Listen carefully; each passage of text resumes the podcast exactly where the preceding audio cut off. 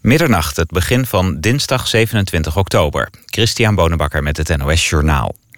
De Verenigde Staten sturen een oorlogsschip naar een eilandengroep in de Zuid-Chinese Zee. Het gaat om de Spratly-eilanden, waarop aanspraak wordt gemaakt door onder meer China, Vietnam, Maleisië en de Filipijnen. De onbewoonde eilandjes liggen in een visrijk gebied waar ook olie- en gasvoorraden zijn. China heeft een paar riffen in de buurt opgespoten tot eilanden om zo zijn aanspraken op de Spratly-eilanden te versterken. De VS maakt zich zorgen over de Chinese machtspolitiek en stuurt daarom een torpedojager en een verkenningsvliegtuig naar de Zuid-Chinese Zee, naar eigen zeggen om de vrede en veiligheid te garanderen. Jongeren vanaf 18 jaar die bij de Bijenkorf werken... krijgen straks evenveel betaald als werknemers van 23 jaar en ouder. De Bijenkorf heeft als eerste winkelbedrijf in de nieuwe CAO afgesproken... dat het jeugdloon verdwijnt. In ruil daarvoor wordt de toeslag voor werken op zondag verlaagd. Vakbonden strijden al langer voor afschaffing van het minimumjeugdloon. Bij een woningbrand in Hattemerbroek bij Zwolle... is een grote hoeveelheid siervuurwerk ontploft. Op beelden is te zien hoe het vuurwerk boven de brandende woning uit elkaar knalt. De explosies en lichteffecten hielden 10 minuten aan. Drie gewonden zijn naar het ziekenhuis gebracht. In Syrië zijn deze maand al zeker 120.000 mensen op de vlucht geslagen voor het toegenomen geweld. Ze hebben dringend behoefte aan tenten, eten, drinken en sanitaire voorzieningen, zegt de VN. De vluchtelingen komen vooral uit Aleppo, waar het Syrische leger anderhalve week geleden een grondoffensief begon. De GGD wil dat er regels komen voor de uitstoot van houtkachels en open haarden. Nu kan er niets tegen overlast door houtrook worden gedaan, staat in een rapport van de GGD's van de drie noordelijke provincies.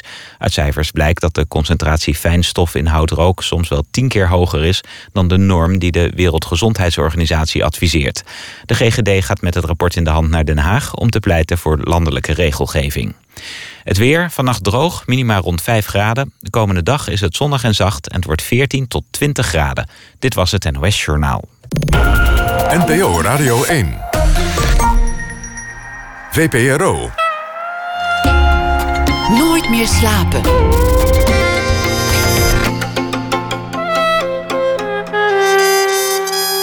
Met Pieter van der Wielen. Goedenacht en welkom bij Nooit meer slapen. Straks na één uur een gesprek met regisseur Joost van Ginkel over zijn film The Paradise Suite. De film wordt de Nederlandse inzending voor de Oscars. Ook gaan we het hebben over de eerste museumrobot voor wie thuis wil blijven en toch een tentoonstelling wil bekijken. Die robot is vandaag officieel gelanceerd. We beginnen met Jan Brokke. Hij is schrijver. De Kozakkentuin is de titel van zijn nieuwe boek over de vriendschap tussen Johannes van Wrangel, een jurist, met de naar Siberië verbannen Fyodor Dostoevsky. Het speelt in de 19e eeuw. Brokke gebruikte brieven, romans, kreeg bijstand van het Dostoevsky Museum en de nazaten van Von Wrangel. En waar het nodig was, gebruikte hij zijn fantasie, want daar is hij tenslotte schrijver voor. Schreef al 29 boeken, werd geboren in 1949 in Leiden, groeide op in het dorpje Roon, vlakbij Rotterdam, waar zijn vader predikant was. Het dorp komt vaak terug in zijn boeken. Zijn vorige boek bijvoorbeeld. De Vergelding over de executie van zeven onschuldige burgers door de Duitsers in Roon. Een heel goed verkocht boek. Ooit begon hij als journalist bij onder meer HP. En eh, later schakelde hij over naar fictie. Schreef heel veel boeken dus, dat zei ik al. En reisde ook veel. Woonde onder meer op de Antillen. Reisde ook door Rusland, Afrika, zo nog wat plekken. En ook dat komt vaak terug in zijn boeken. Hartelijk welkom Jan Brokken. Goedenavond, goedenacht. We gaan het zo meteen hebben over het, uh, over het nieuwe boek, De Kozakkentuin. Maar toch eerst maar terug naar Roon. Om daar maar te beginnen. Want, want jouw vader die las vaak, als hij troost zocht, de Russische schrijvers. Ja, hij las veel Russische schrijvers. Hij was echt van de, de, de, de, de generatie die, uh, ja, die gegrepen waren door de Russen. Uh, ik heb nog thuis in de boekenkast een want hij las, uh, er waren toen nog geen Nederlandse vertalingen van uh, de meeste romans van bijvoorbeeld Dostoevsky. Uh, dus hij, Misdaad en Straf, dat las hij in Duits. Dus ik heb nog zo thuis in mijn boekenkast uh, Schuld und Sühne staan. In gotisch schrift. En ja, dat, veel Russen las hij. Ja. Heeft, heb je het van hem? Heeft hij jou daarmee aangestoken of kwam dat later pas? Nou, nou mijn moeder was... Uh, gek genoeg was nog veel gekker op Russen, ja. Die, uh, veel Tolstoy, veel Tsjechov. Uh, en ik herinner me ook dat mijn oudste broer, die las heel veel. Mijn ene oudste broer, Hans, die las eh, heel veel, heel veel Dostoevsky. En hij las wel uh, de eerste uitgave van de Russische bibliotheek. Ik kan me die uh, Bordeaux-rode boekjes nog heel goed herinneren. Die met bijbelpapier, die in zijn boekenkast stonden. Ze waren altijd erg dik, de boeken van Dostoevsky. Ik vind het ook een mooi beeld. Ja, een, iemand die voor de kerk over de Bijbel staat te vertellen, die dan, als het hem te kwaad wordt, niet de Bijbel grijpt, maar Dostoevsky.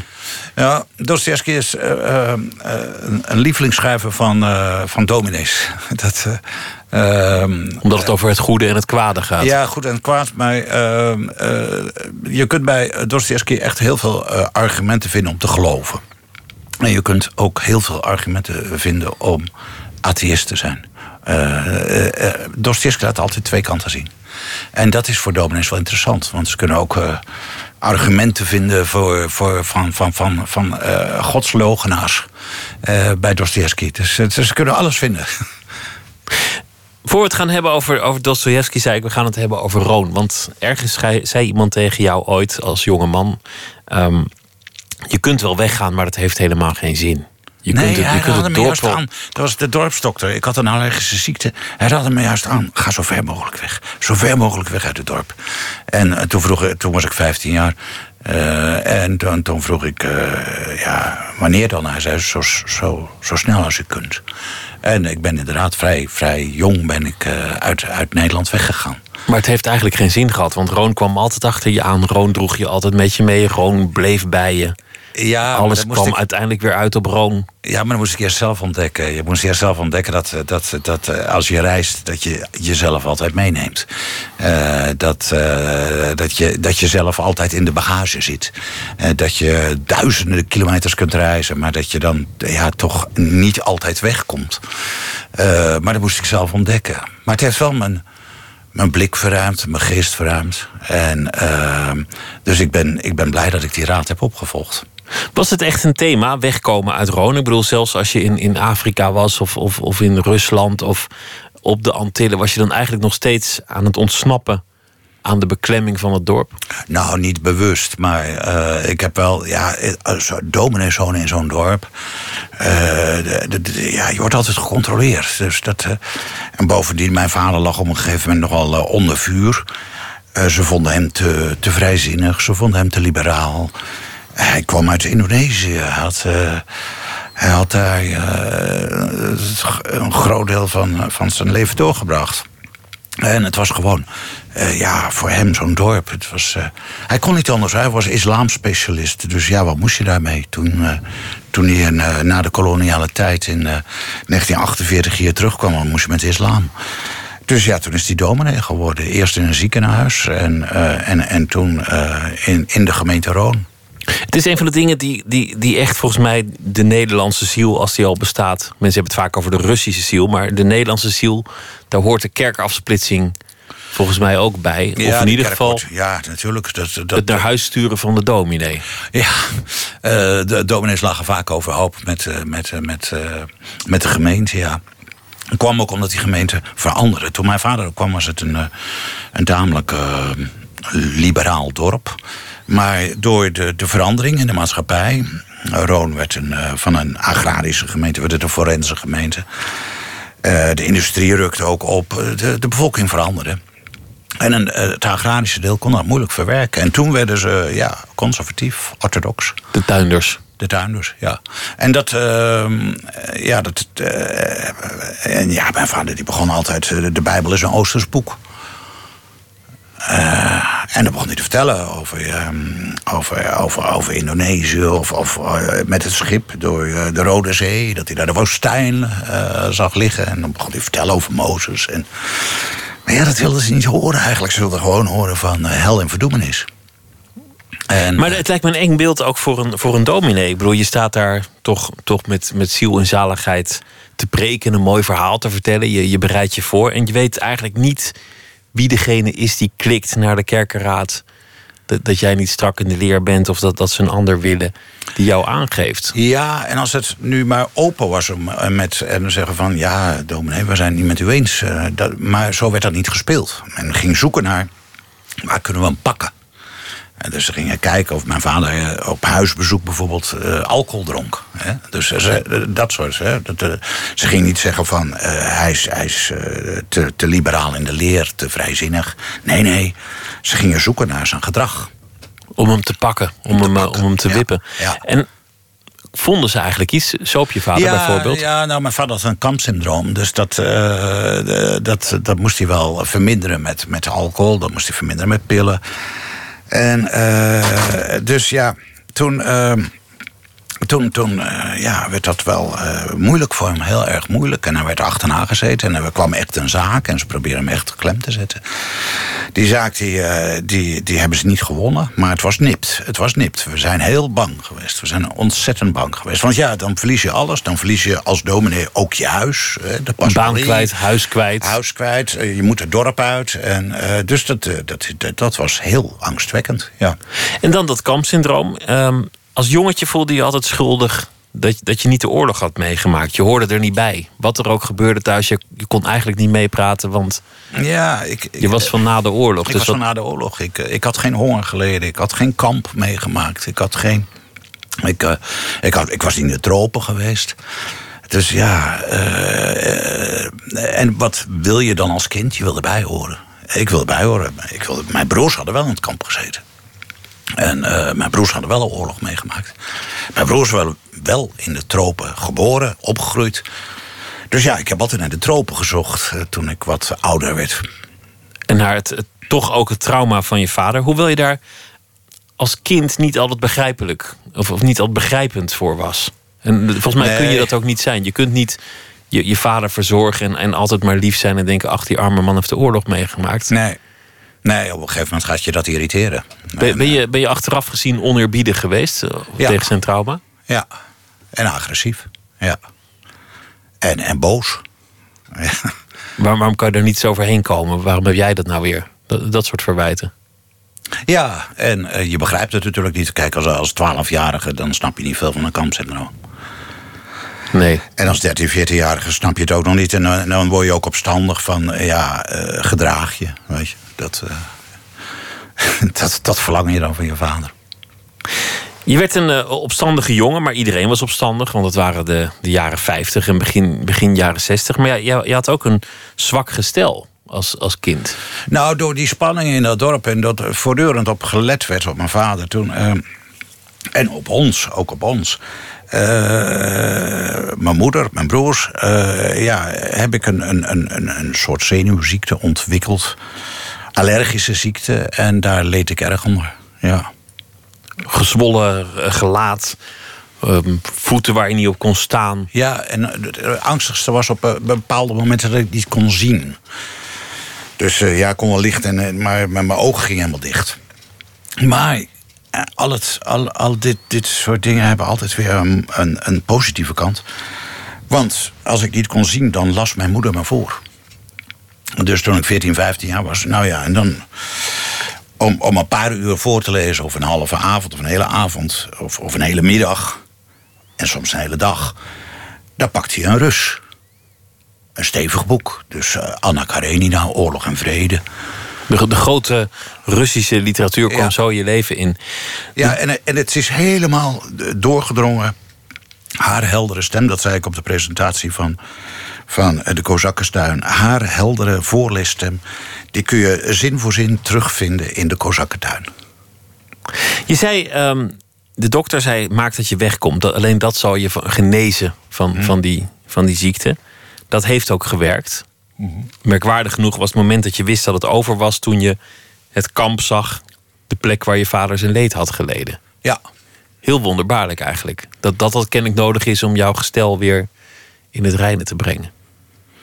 Ja, ja het, was eh, kennelijk, eh, dat is allemaal niet bewust gegaan of zo, maar later heb ik dat kunnen reconstrueren. Ik heb toen een ontzettend zware aanval gehad. Toen ik de begraafplaats zag waar de vrienden van mijn vader lagen. En ehm, eh, ja, ongelooflijk zware aanval. En eh, nou, ik ben echt. eh er kwam in Makassar aan, kwam ik meer dood dan levend aan. En toen was het weg. Dat wist ik op dat moment niet, maar ik heb daarna nooit meer een aanval gehad. Je bent aanvankelijk journalist En toen geworden. was ik 30 jaar. Toen was je 30 jaar. Daarna kon je reizen zoveel dus je het heeft wilde. geduurd van mijn tiende tot mijn 30ste jaar. Dat is een lange tijd Ja. om je het leven te laten verzieken door merkwaardige aanvallen. Daarna, En toen, toen begon mijn jeugd eigenlijk. En, en, en, en Toen begon je jeugd? Ja, toen, toen mijn dertigste kon ik reizen. En toen ben ik ook vreselijk eh, grote reizen gaan maken. En eh, moeilijke reizen, oerwoud in en zo. Ja, het kon. Ineens kon het. Toen begon mijn leven. Je was journalist, maar dat was eigenlijk een excuus om te reizen. Als journalist heb ik eh, wel gereisd, maar niet zo vreselijk, vreselijk veel. Ik ben echt gaan reizen toen ik met, de- met, de, met de reguliere journalistiek gestopt ben. In, ik was toen in 1986 ben ik gestopt. Ja. En eh, vanaf dat moment ben ik echt de grootste reizen gaan maken. Wat was dat voor moment dat je dacht: ik, ik ben geen journalist meer, ik ben gewoon schrijver? Zo groot is het onderscheid misschien ook weer niet, omdat je, dat je toch ook vaak over echte gebeurtenissen schrijft en romans maakt. Maar, maar toch is het in, in, een, in een leven waarin je ook de kost moet verdienen, volgens mij wel een ingrijpend besluit. Ja, het was een stuk moeilijker natuurlijk. En, eh, eh, maar ja, journalistiek heeft mij de, de middelen gegeven om onderzoek te doen. Eh, hoe pak je dat aan? En dat heeft me ontzettend geholpen. Eh, ja, zeer, zeer, zeer geholpen. En ik heb ook nooit op de journalistiek neergekeken. En ik gebruik het als instrument. Het, de, de, de stap die ik gezet heb is eigenlijk van... ik ga nu geen artikelen meer schrijven. Ook zelfs geen grote artikelen, maar ik ga boeken schrijven. En, en eh, dat eh, veronderstelt een andere insteek. Een andere opbouw. eh, maar het, het, het was niet zo dat ik de journalistiek haatte. Of, nee, en ik ben altijd journalist gebleven. En in mijn, mijn, altijd in ieder boek zit een deel onderzoek. Het begint ook als een journalist. Reizen naar de plek of, of duiken in het archief of, of Ja. zoeken naar de bronnen. Ja, En, ja. en dan aan de slag. En dan aan de slag en zoeken en zoeken. Eh, Kijk, ik ben heel jong begonnen met journalistiek. Ik was nog geen 18 toen ik naar de school voor journalistiek ging. Mijn eerste, eerste interviews maakte ik toen ik 16 jaar was. Eh, Simon Vinko, mijn eerste interview. en eh, ik. Ik ben er heel dankbaar voor, want journalistiek ehm, ehm, maakt je ontzettend nieuwsgierig. Natuurlijk moet je nieuwsgierig zijn om journalist te worden of te zijn. Maar als je het eenmaal bent, dan, dan vergroot dat die nieuwsgierigheid. En dat is, dat is, ja, dat is, dat is, ik ben er altijd heel dankbaar voor. 29 boeken, nog eentje en je hebt, je hebt een mooi rond getal, 30. Het lijkt wel alsof altijd het boek volgt uit iets in een vorig boek. Dus, dus het verhaal van eh, het vorige boek Vergelding zat al in het boek over jouw jeugd. Mijn kleine in, waanzin, ja. In Roon. Ja. Dit verhaal komt heel sumier, bijna in een zinnetje al langs in het boek dat je maakte over verschillende Baltische verhalen. Ja. Baltische zielen. Daar komt die familie van Wrangel al in voor. Ja, Baltische zielen zijn echt eh, familiegeschiedenissen. En een van de families is familie van Verhaal. En die vriendschap met Dostoevsky, die wordt al genoemd daar. Ja, is dat ook het gaat? Dat je, dat je aan het schrijven bent en dan halverwege denkt... "Hmm, dit heb ik nou wel opgeschreven, maar eigenlijk wil ik er meer over weten. Nee, ik was eh, met, met de familieleden. Die, die, die, die gaven mij informatie over die familie. En, eh, en ik had een verhaal geschreven. En zij waren ontzettend te- tevreden daarover. Vooral de achter-achterkleindochter Karin. En eh, ja, ze, ze zei, ik heb nog iets moois voor je. Eh, mijn overgrootvader, Alexander, die was bevriend met Dostoevsky. En, en hij was bevriend in een heel belangrijk moment in zijn leven, namelijk toen hij vrijkwam uit het strafkamp in Siberië. En toen moest hij nog in Siberië blijven. En mijn over-overgrootvader was eh, in Siberië benoemd als officier van justitie. Hij was toen 21 jaar. Ik dacht, goh. En eh, zei, ja, eh, er zijn brieven. Ik heb kopieën ervan. En er zijn brieven die, die liggen in, in Moskou, die, die, die kunnen we achterhalen. En er zijn herinneringen die hij geschreven heeft. Vooral aan zijn vriendschap met Dostoevsky. In, eh, die, zijn, die herinneringen zijn uitgegeven in eigen beheer, v- 1912. Nou, direct daarop eh, brak de Eerste Wereldoorlog uit en daarna kwam de, Oktoberrevolutie. Dus daar is verder geen aandacht meer aan besteed. En eh, nou ja, dat materiaal kreeg ik. En het schijnt dat toen ze mij dat gaf, toen, ze heeft me later verteld, je ogen gingen glanzen. Alsof, je, alsof ik je een staaf goud aanreikte. Dat was in zekere zin ook zo natuurlijk. Ja, maar dat wist ik toen nog niet, want ik dacht alleen, hey, uh, over die, die, de jonge jaren van Dostoevsky is niet zoveel bekend. En, en zeker die periode uh, toen hij uit dat strafkamp kwam, daar is weinig over bekend. Dus dat, dat knoopte ik mijn oor. Maar het moest eerst vertaald worden. Dus ik heb Sointa Uiterwaal, hele goede vertaalster, gevraagd dat te vertalen. En toen ik het materiaal vertaald terugkreeg, toen ging het lezen. Toen dacht ik, ja, het is echt goud. Het is echt goud. We gaan luisteren naar een, een, fragment van de muziek die jij steeds opnieuw draaide in je werkkamer om, om de sfeer vast te houden. Want dat is ook bijzonder. Het speelt in de 19e eeuw, maar je wil niet echt de toon van, van de oude Russen erop op, op nahouden. Nou, het mocht niet stoffig worden. En uh, dus uh, ik, ik had die, die brieven, daardoor wist ik de, toon van, van, van Alexander de memoires, ook de toon. En toen heb ik besloten om het boek in de ik-vorm te schrijven. Waarbij dan ik Alexander van Wrangel is. En uh, dat maakt het ineens een stuk levendiger en een stuk hedendaagser, zeg maar. Maar ik moest natuurlijk wel oppassen dat ik uh, geen anachronisme. op een gegeven moment schreef ik bijvoorbeeld. Uh, toen Dostoevsky boos werd, schreef, liet ik Alexander constateren. Ik zag waakvlammetjes in zijn ogen. En toen dacht ik, hé, hey, in 1855, waakvlammetjes. Er was nog geen gasverlichting, er was nog geen... Ja, daar kan je lelijk op je, op je, dus, plaat gaan. Ja, dus zulke dingen. Op een gegeven moment laat ik uh, Alexander ook een oom tegen Alexander zeggen... Die, een oudere oom die zegt tegen Alexander toen hij nog jong was... Ja, let op je vrijheid hoor, het is als een ballon. Mensen willen hem graag doorprikken. Maar dan moest ik gelijk nazoeken, was er toen een ballon? ja, in 1829 is de ballon geïntroduceerd. Dus uh, zulke dingen moest ik wel nazoeken. Maar ik wilde toch levendig houden. Levendig van, van, ja, uh, tijdloos eigenlijk. Maar hoe gebruik je die muziek daarbij? Want, want, want, nou, veel schrijvers doen dat, hè? Een, een, stuk muziek steeds opnieuw. Nou, dit is een, een stuk muziek wat heel bijzonder is. Uh, dat is Max Richter, dus een, een, jonge componist. Hij is nu 49, geloof ik. Het is een stuk van, van 10, 12 jaar geleden. En um, is geboren in, in, in, in Duitsland, maar is opgegroeid in Engeland. En hij heeft zich laten inspireren door een gedicht van Marina Tsvetaeva. Groot dichteres. En uh, dat gedicht is geschreven in uh, 1913. En uh, zij draagt het zelf voor voor de radio. En daar begint het mee. En daar heeft hij die muziek op gebaseerd.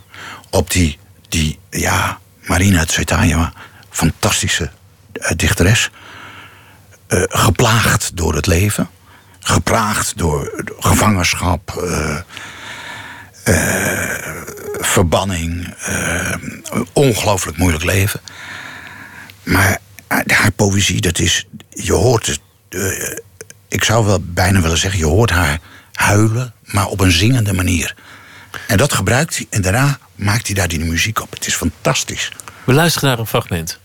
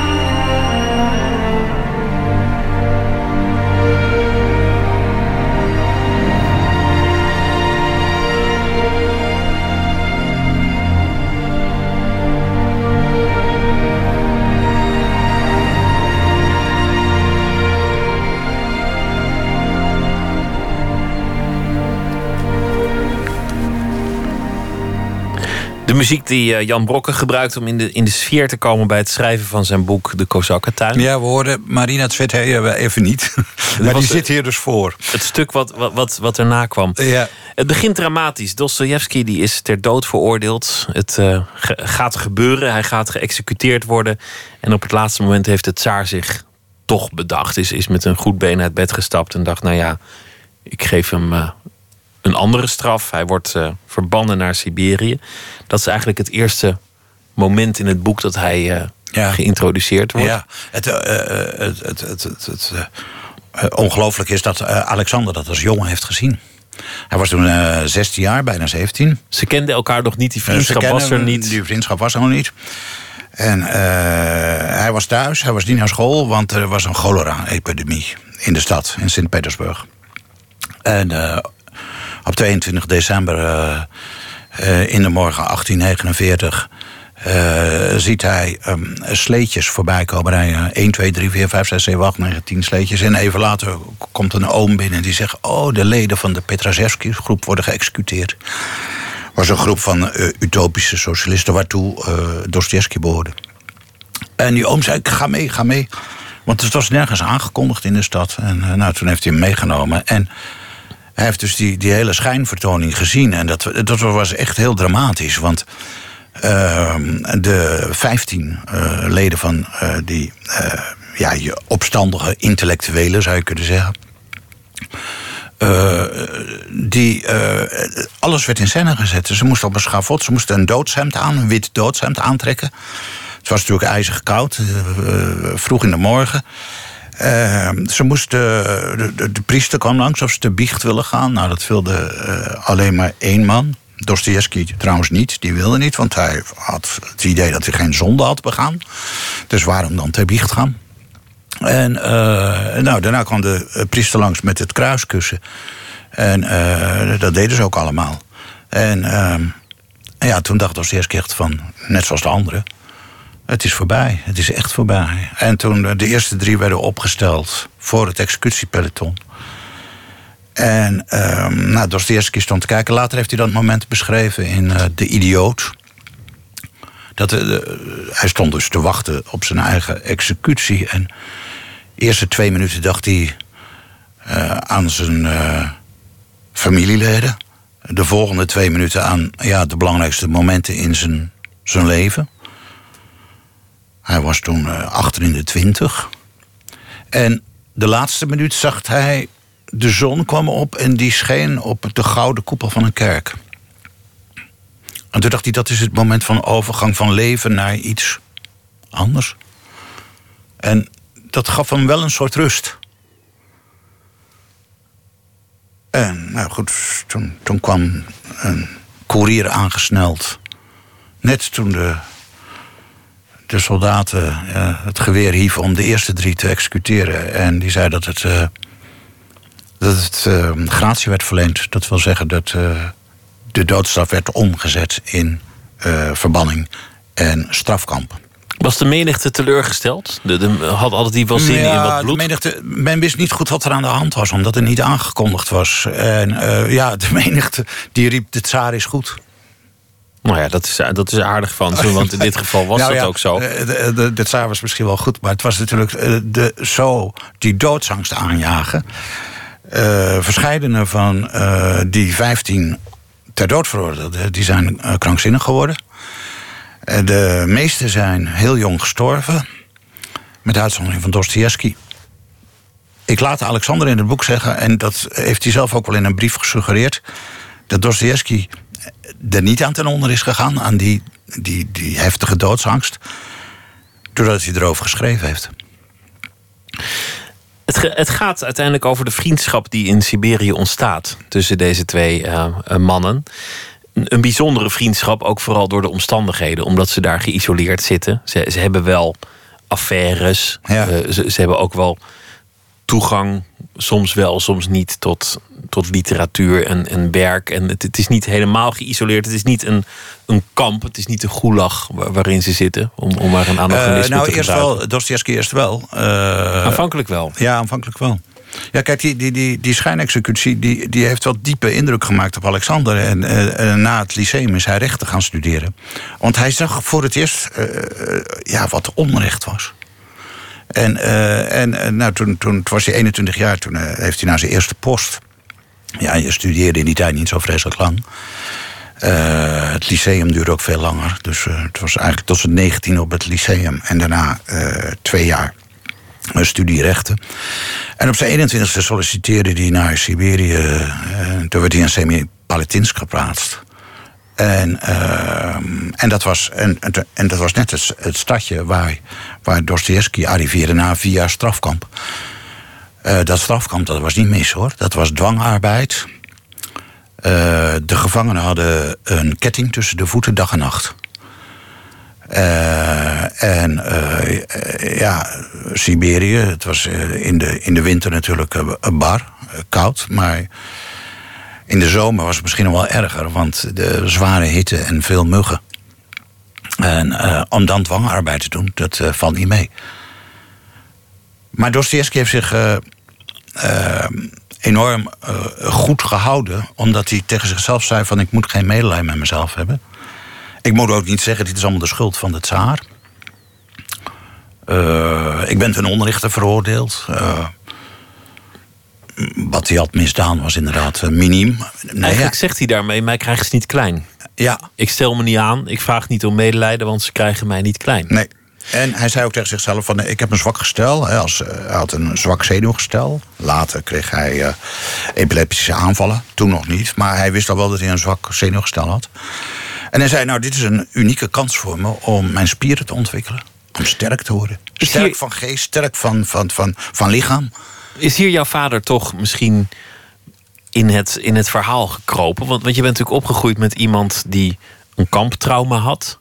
Die, die onder, onder de, de jappen in Indië heeft gezeten, die daar gemarteld is. Ja, dat, dat... Is die toch in je personage terechtgekomen op de een of andere manier? Heb je eraan gedacht? Nou, uh, ik kon me voorstellen, uh, toen, dit heeft vier jaar geduurd. Mijn vader heeft 3,5 jaar in, uh, in een japkamp gezeten.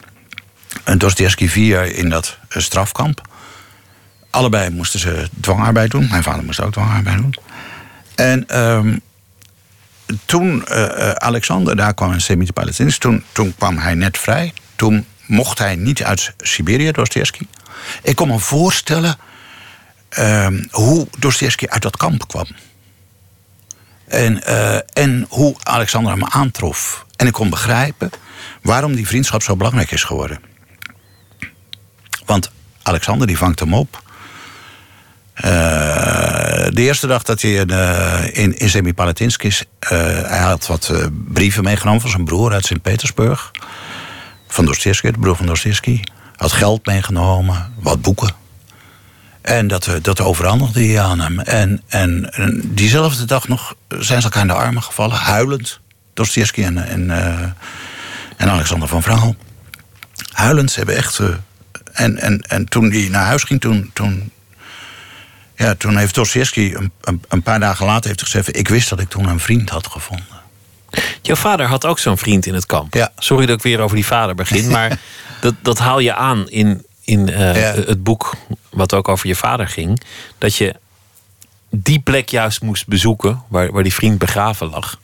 Ja, het was heel tragisch. Om mijn vader die had één vriend in het kamp. En dat, ze waren uh, uh, allebei even oud. Uh, ze hadden allebei. Ze waren getrouwd. Ze, waren, ze hadden kinderen. Hun vrouwen en de kinderen zaten in een ander kamp. En ze kwamen uit. ze waren allebei. hadden ze theologie gestudeerd. En ze waren echt. ongelooflijk, ongelooflijk bevriend. En uh, ze kregen allebei dysenterie. En uh, de, de vriend, die, die overleefde het niet. Mijn vader wel. En hij heeft zich altijd afgevraagd natuurlijk... van uh, waarom hij en waarom ik niet. Dat... dus dat. Want zo'n vriendschap helpt ook overleven. Zoals ja, je, zoals je net eigenlijk en, al aangaf. En, en toen, toen mijn vader die, die vriend begraven had, toen, toen, werd het, toen werd het pas vreselijk moeilijk voor hem. Toen werd het pas vreselijk moeilijk. Toen hij geen vriend meer had. Ja, toen daarvoor was, was, het, was het echt vol te houden. Maar toen, toen werd het vreselijk moeilijk. Dus ja, ik begrijp heel goed wat die vriendschap van Alexander voor op dat moment betekende. Hij, hij kwam uit dat strafkamp. Hij was, hij was natuurlijk toch kapot. Hij had hele slechte voeding, hij had geen kleding, hij, zat onder de vlooien. hij was, hij was uh, vies. Eh, en hij, hij, woonde in een hut. Hij, van van dwangarbeider werd hij dwangsoldaat. Hij mocht niet weg uit Siberië. Uiteindelijk heeft hij tien jaar in Siberië moeten doorbrengen. Hij mocht niet publiceren. Uh, hij werd, werd dwangsoldaat. Hij had, hij had niks. Hij had en uh, Alexander komt en die, die neemt hem ja, als officier van justitie. Hij had een goed huis. En uh, toen, toen de zomer aanbrak, toen dacht hij... nou, die man die moet aansterken, die vriend van me. Fjodor. En ik huur een, een dacha. Dacha de Kozakkentuin. Daarom heet het boek zo. En dat was in april al en daar hebben ze de zes maanden gezeten. Het was uh, van hout, een soort boerenhoeve helemaal om, omringd. En in het midden was, was groen. Ja, Semipalatinsk, waar het was, dat ligt al tegen de grens van Kazachstan aan. Hè. Het, het is helemaal het uiterste zuiden van Siberië. Het is de overgang van de steppen naar de woestijn. Je, gaat, je zei eerder, ik, ik werk als een journalist. Je hebt nu ook archieven geraadpleegd. Je, je bent te raden gegaan bij het Dostoevsky Museum. Je hebt, je hebt enorm veel werk gedaan. Moet ook wel, want er zijn natuurlijk enorm veel Dostoevsky-fans en frikken. En die zijn meer dan bereid om je op je falie te geven als er ook maar iets niet klopt. Ja, zeker. Maar de plek bezoeken, dat heeft denk ik niet meer zoveel zin. Als je echt nog op zoek bent naar Dostoevsky om daar nu nog heen te gaan. Ja, ik heb dat uh, expres niet gedaan. Uh, ik ken Siberië. Ik ben er doorheen gereisd, uh, jaren geleden. Met de trein helemaal. En, uh, dus ik, ik, ken de uitgestrektheid. Ik, ik ken ook Omsk, waar, waar Dostoevsky in het strafkamp heeft gezeten. dus dat ken ik. Maar ik was bang om daar naartoe te gaan. Want Semipalatinsk is de plek, het heet nu Semi... is de plek waar de, de Sovjets de kernproef hebben uitgevoerd. Dus het hele gebied is verminkt. Uh, er zitten, in het boek zitten er prachtige beschrijvingen van Alexander... wanneer hij samen met Dostoevsky naar het Altai-gebergte reist. Ook weer om aan te sterken voor Dostoevsky. Of wanneer hij uh, naar uh, zijn geliefde reist. Want Dostoevsky wordt verliefd daar op een vrouw. En daar gaan ze dan samen naartoe, naar die vrouw. En een prachtige beschrijving van, van, van die tochten daar naartoe. Maar uh, dat, dat, die, die pracht kan ik niet terugvinden nu omdat het gebied verminkt is door de kernproeven. En ook de mensen zijn verminkt. Het is een, een, een gebied waar enorm hoog percentage uh, kanker, veel bloedkanker, leukemie.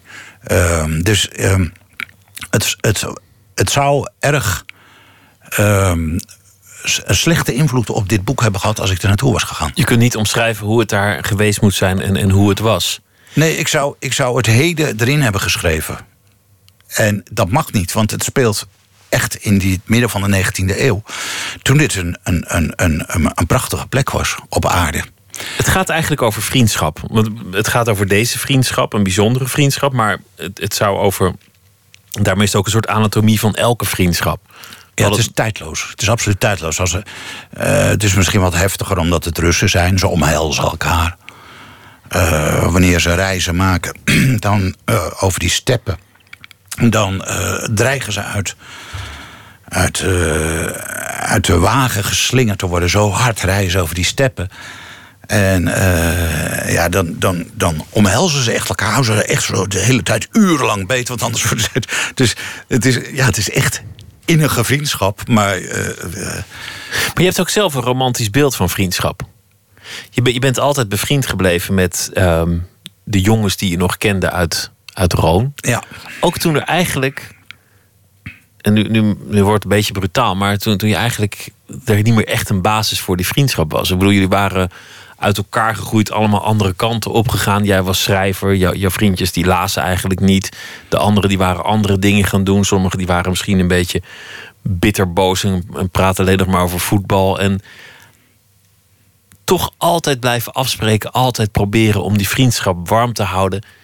Denk je soms niet van, goh, ben ik daar niet te ver in gegaan? Ben ik niet te trouw gebleven aan, aan vroegere vrienden? Ook nee, hoor, mijn, mijn, mijn, mijn, twee jeugdvrienden... Uh, uh, die hebben me door ongelooflijk moeilijke periode geholpen... zo tussen mijn twaalfde en mijn achttiende jaar. En daar blijf ik ze altijd dankbaar voor. En ik blijf ze altijd trouw. En daarom is het ook een pure vriendschap voor jou? Omdat je elkaar gekend hebt voordat Absoluut. Zij de kennen mij voor, voordat werd. ik de, de schrijver werd. Voordat ik uh, de journalist werd. Zij kennen me vanuit die, die tijd. Ik blijf ze altijd trouw. Eén is helaas uh, overleden. En, uh, maar uh, ja, ik blijf, mijn jeugdvriend die blijf ik altijd trouw. Is dat ook een, ook een, een soort spiegel van, van één wie je was? De jongen die je toch altijd zou blijven. En wie je ook had kunnen worden. Als je niet weg was gegaan als Roners, uit Roners. Nou, niet de keuzes de, had De moeilijkste passages die ik in de Kozakkentuin moest beschrijven... is wanneer die vriendschap tussen, tussen Fjodor... Mikhailovich Dostoevsky en, uh, en Alexander Jegorovic von Wrangel... wanneer ze, wanneer ze uit elkaar gaan. Wanneer ze... En uh, wanneer die vriendschap eindigt. En dat vond ik ontzettend moeilijk te beschrijven. Want ik kon het eigenlijk toch niet goed voorstellen. Mm. En dat Dostoevsky Alexander op een gegeven moment laat vallen. Terwijl, terwijl... Omdat je dat zelf nooit zou doen? Nee. Je zou nooit een vriend laten vallen? Nee, want Alexander heeft Dostoevsky op zo'n ongelooflijke wijze geholpen. Hij heeft hem geholpen om meer te gaan schrijven. Dostoevsky die wilde eigenlijk alleen nog maar komische verhalen schrijven toen hij uit het strafkamp kwam. Want hij dacht, anders komen ze niet door de censuur heen. Uh, dus ik, moet maar. Nee, zei Alexander, beschrijf nou, beschrijf nou je, je herinnering aan het strafkamp. Doe dat, doe dat. Dat moet je schrijven.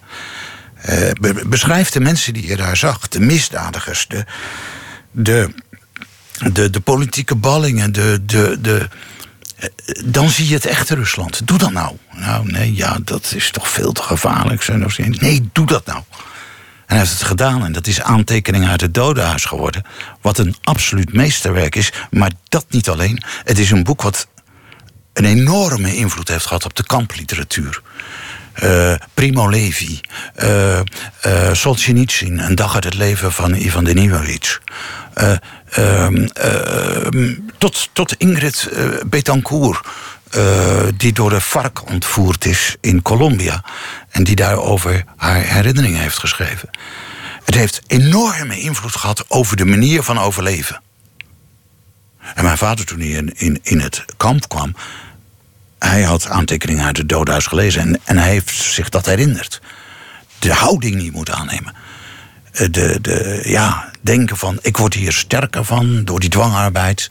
Niet gaan zitten te, te simmen. Niet gaan zitten te treuren. Niet gaan zitten van, ik overleef dit niet. En uh, het is mijn schuld niet dat ik in dat kamp ben. Ik heb niets misdaan. Nee, als je, als je die schuld ergens anders gaat leggen... Dostoevsky, die schrijft ook in aantekeningen uit doodhuis...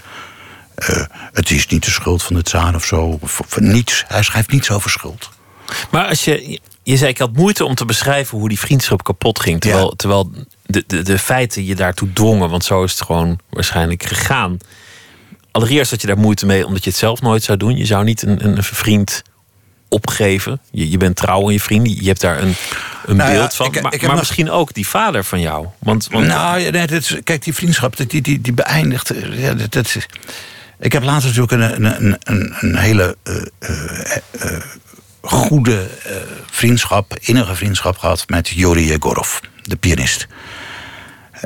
Russische pianist, gevlucht uit de Sovjet-Unie naar Amsterdam, over wie ik het boek heb geschreven in het Huis van de Dichter. en ja, die vriendschap die werd in, naarmate de tijden slechter werden, Jori werd ziek. en Jori die, die kreeg aids. En de, de, de beste periode van onze vriendschap was de moeilijkste periode, namelijk de, de, laatste jaar uh, van zijn leven. Toen hij aan deze vreselijke, vreselijke ziekte leed.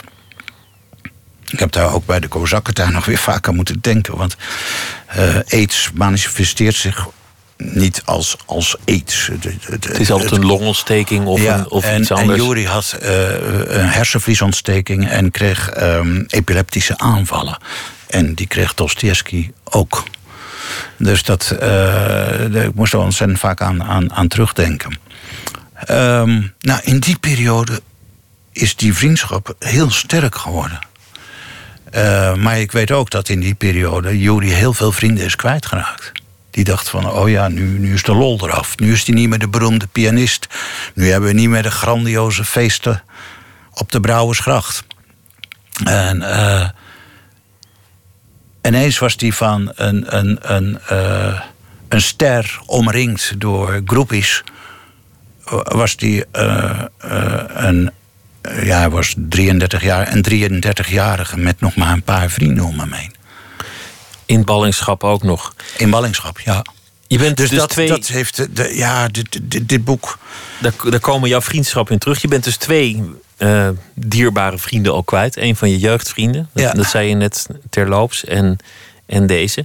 De muziek komt daarmee ook eh, langs. Want muziek speelt altijd een hele grote rol in jouw werk. Baltische Zielen, het boek is ook al genoemd. Daar, ehm, daar heb je ook concerten rondom ge- geregeld. Dat, je stukken voorleest samen met muzikanten. We gaan luisteren naar een van de uitvoeringen van eh, Ursula Schoch en Marcel Worms van Arvo Pärt, Spiegel im Spiegel.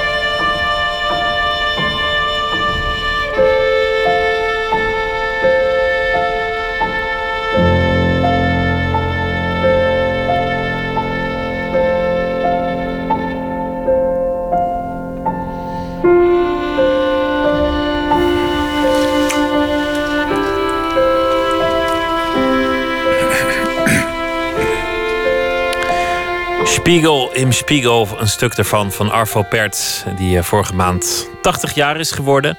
Een eh, stuk dat voorkomt in het eh, boek Baltische Zielen van Jan Brokke, die tegenover mij zit. We hebben het, we hebben het gehad over het, het laatste boek, we hebben het gehad over je jeugd, over je, over je vader, over het belang van, van vriendschap, over jouw manier van werken, de nieuwsgierigheid, de drang om eigenlijk door te gaan, omdat die elke keer weer gewekt wordt, die nieuwsgierigheid uit het, uit het vorige.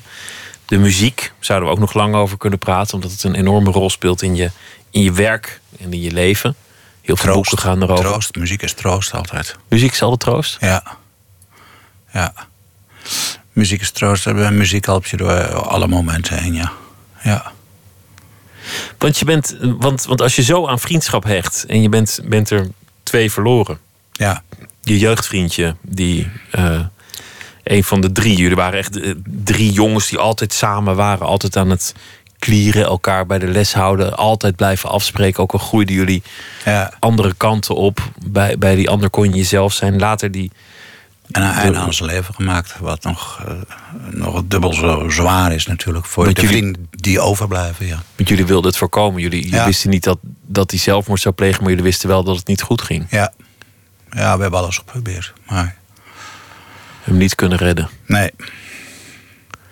En dan ben jij daar. En, en eigenlijk is dan, is dan op, op een zeker ogenblik. Ja, die vriendschap misschien wel blijven bestaan. Alleen de, de vrienden die zijn er dan niet meer. Ja, nou, ik, eh, eh, eh, ik heb nog één vriend. En ehm, het is, ja, vriendschap is. Wat me interesseert erin is dat vriendschap maakt, maakt mensen groter. Maakt vrienden groter. Ik heb dat heel goed kunnen zien bij, eh, bij eh, Alexander von Frangel en, en Fyodor Dostoevsky. Zij maken elkaar groter. Eh, zij zoeken wat. Ik denk dat vrienden dat doen. Vrienden zoeken niet naar de slechte kanten van de ander, maar naar de goede kanten. En die goede kanten proberen ze te versterken. Dat, dat doen ze niet bewust, maar dat zit onbewust in, in een echte goede vriendschap. En dan, wat ik vertelde, eh, aantekeningen uit het dodenhuis, toen nou. Maar het ging verder, eh, eh, rehabilitatie. En het ging nog verder. Ze worden allebei verliefd, Alexander en Fyodor. In, in Siberië. En allebei hebben getrouwde vrouwen. En, en allebei raden ze elkaar af. nou, toch niet. Getrouwde vrouw, eh, eh, moeder van één kind, eh, Maria, op wie Dostoevsky verliefd wordt. Katja, zes kinderen, getrouwd. Moet je je voorstellen, in, in 1855. eh, ik stond versteld hoor, hoe modern die mannen waren ook. En, en hoe modern die vrouwen waren. Hoe, hoe, vrijpostig. Ik had een heel ander beeld. Op grond van bijvoorbeeld Tolstoy, Anna Karenina... had ik een heel ander beeld daarvan. Het is wel grensverleggend. Die... Maar zij maken, eh, ze maken zich groter. Ze, ze, ze, ze zien erop toe dat het goede zegen viert. En uiteindelijk, dan, trouwt eh eh, Dostoevsky met Maria... en dan zegt Alexander ook gelijk... nou, misschien heb ik het wel verkeerd gezien... misschien is dit eh, toch wel goed voor hem. Het beste voor elkaar willen, dat- is het, het, beeld van, van vriendschap. We, begonnen bij, bij Roon. Ook daar, je had, je had met, met het dorp kunnen omkijken. Maak dat je wegkomt, dan word je beter. Je, je was er weg en je, je werd beter. Maar, maar het dorp bleef terugkomen op de gekste plekken op aarde. Daar zag je toch ineens weer room terug in, in, in de mensen. Je vorige boek, De, de Vergelding, gaat over de oorlogsgeschiedenis van Roon. Ja. Die twee thema's uit je jeugd bij elkaar. Het, het dorp en al het verraad en de achterklap in zo'n dorp. En die oorlog. Je hebt een boek geschreven over een geschiedenis daar, een executie, een, een vergelding van de Duitsers van zeven burgers. Die geschiedenis hoeven we niet helemaal te behandelen, maar eigenlijk heb je daarmee iets gedaan voor dat dorp waar je altijd zo moeite mee had. Eigenlijk ben je teruggekeerd in het, in het hart van het dorp. Iets, iets wat het dorp nog steeds verscheurde, waar mensen nog steeds over nadenken. Je bent teruggekeerd met dat boek in je hand. Ja. Eigenlijk die strijd aangegaan. Ja. Heb je daarover getwijfeld? Je had er ook kunnen wegblijven. Je had het ook kunnen laten zitten. Ja, nou, ik heb in alles wat ik geschreven heb over het dorp en over mijn jeugd en, eh, en, en, en over de oorlog nu in de vergelding. Heb ik, het, het motief is altijd geweest van me om het te doen. Ik wil het begrijpen. Weten wat er gebeurd is. Ja. Weten hoe het zat. Waarom liepen al die mensen te hoop tegen mijn vader? Dan kun je wel zeggen, nou, dat waren stomme orthodoxe eh godsdienstfanaten. Maar waarom deden ze dat? En dat heb ik in mijn kleine waanzin heb ik dat proberen te begrijpen. Wat waren de motieven van die mensen? Het is niet een, een aanklacht tegen dorp die ik in dat boek doe. Nee, ik probeer het te begrijpen. In de vergelding probeer ik te begrijpen wat er gebeurd is. Ik ontdekte al vrij snel, door, door mijn kleine waanzin trouwens, kreeg ik ineens allemaal anonieme tips en, en rapporten en brieven. Van er is veel meer gebeurd in die oorlog dan jij weet. En, en, en eh, die soldaat die tegen een kabel loopt, er werd gezegd dat het komt door een storm. Nee, het, het- al heel snel ontdekte ik dat dat niet zo was. Want er was een, een soldaat, een Duitse soldaat, Ja. omgekomen door een losgehangen elektriciteitskabel. Ja. Was het een aanslag? Was het een ongeluk? De Duitsers namen het zekere voor het onzekere en namen wraak op zeven burgers. Ja, dat was het, verhaal. En ik, ik ontdekte vrij snel dat het, dat het niet door de storm kwam of zo. Dat in 32 dagen niet gestormd. Dus ja, wat blijft er dan over? Dan is die draad naar beneden gehaald. En eh, sabotage dus. Eh sabotage, daad. En eh, met de opzet om een eh, Duitse soldaat te doden. En ook waarschijnlijk, eh, hij was met een eh, meisje uit het dorp. Ook, dus ja, maar wat is daar gebeurd? Wat zijn de achtergronden? En, en wie heeft het dan gedaan? Nou, toen, eh, eerst wezen ze naar de collaborateurs die het gedaan hadden, toen naar het verzet. En, en toen kreeg ik de vraag: ja, maar waarom die collaboratie? Waarom dat verzet? Hoe? Uh, toen ontdekte ik vrij snel dat de mensen die goed hadden gedaan, dat die fout hadden gemaakt. En, zo- dat de mensen die fout waren, echt fout waren, dat die ook wel goede dingen hadden gedaan. Dus de- toen viel dat hele beeld werd, werd heel anders. Het ging om jouzelf, om het, om het willen begrijpen. Dat is eigenlijk de drang in jouw werk, de nieuwsgierigheid. Zei, zei je al eerder. Ja, ik wil het verklaren. Ik, ik wil het niet goed praten. Hè. Dat, dat, eh, wat, wa- eh, dat heb ik wel als kritiek gehad op de vergelding. Dat ik eigenlijk iedereen begrijpelijk maak. En, hè, en dan praat je het goed. Dat is niet zo.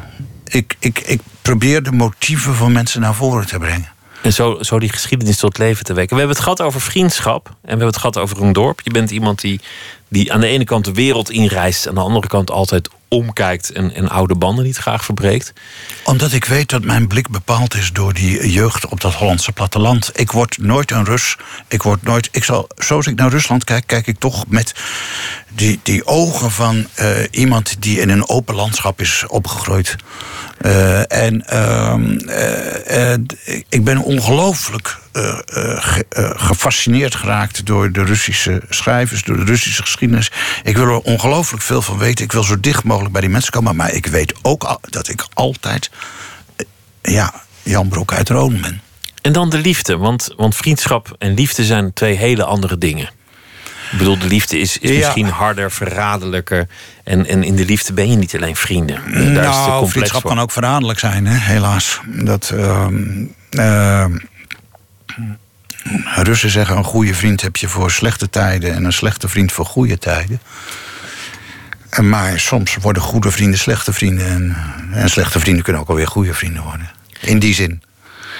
Eh, in vriendschap kan ook verraad zitten. En, eh, en dat kan in liefde ook, ja.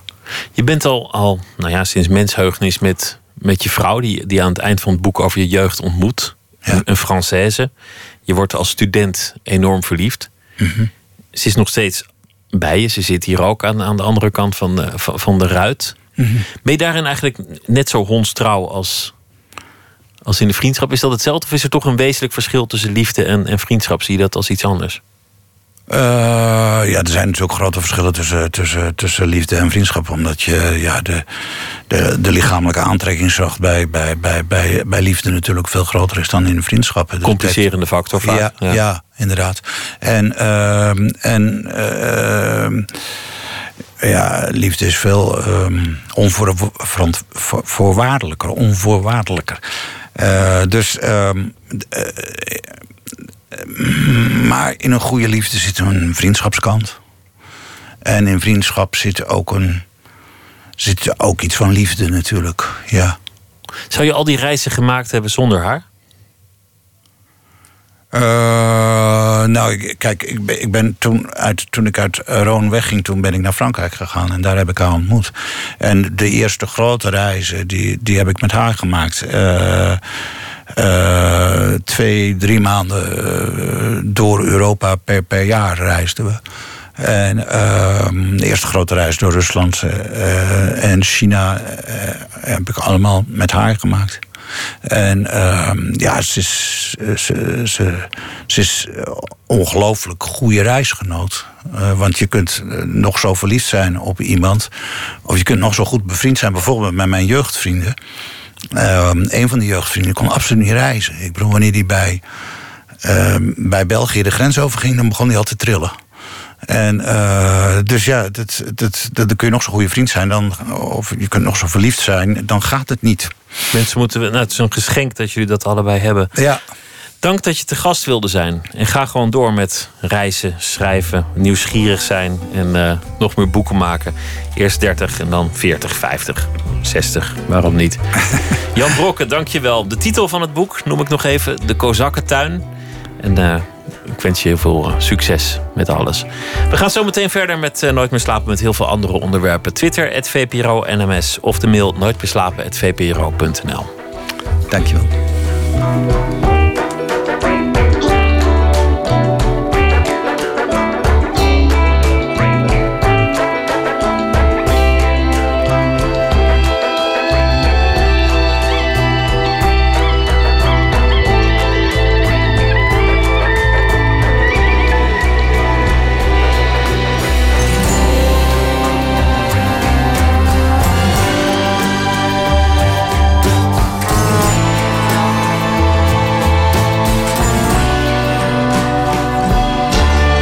Radio 1. Het nieuws van alle kanten.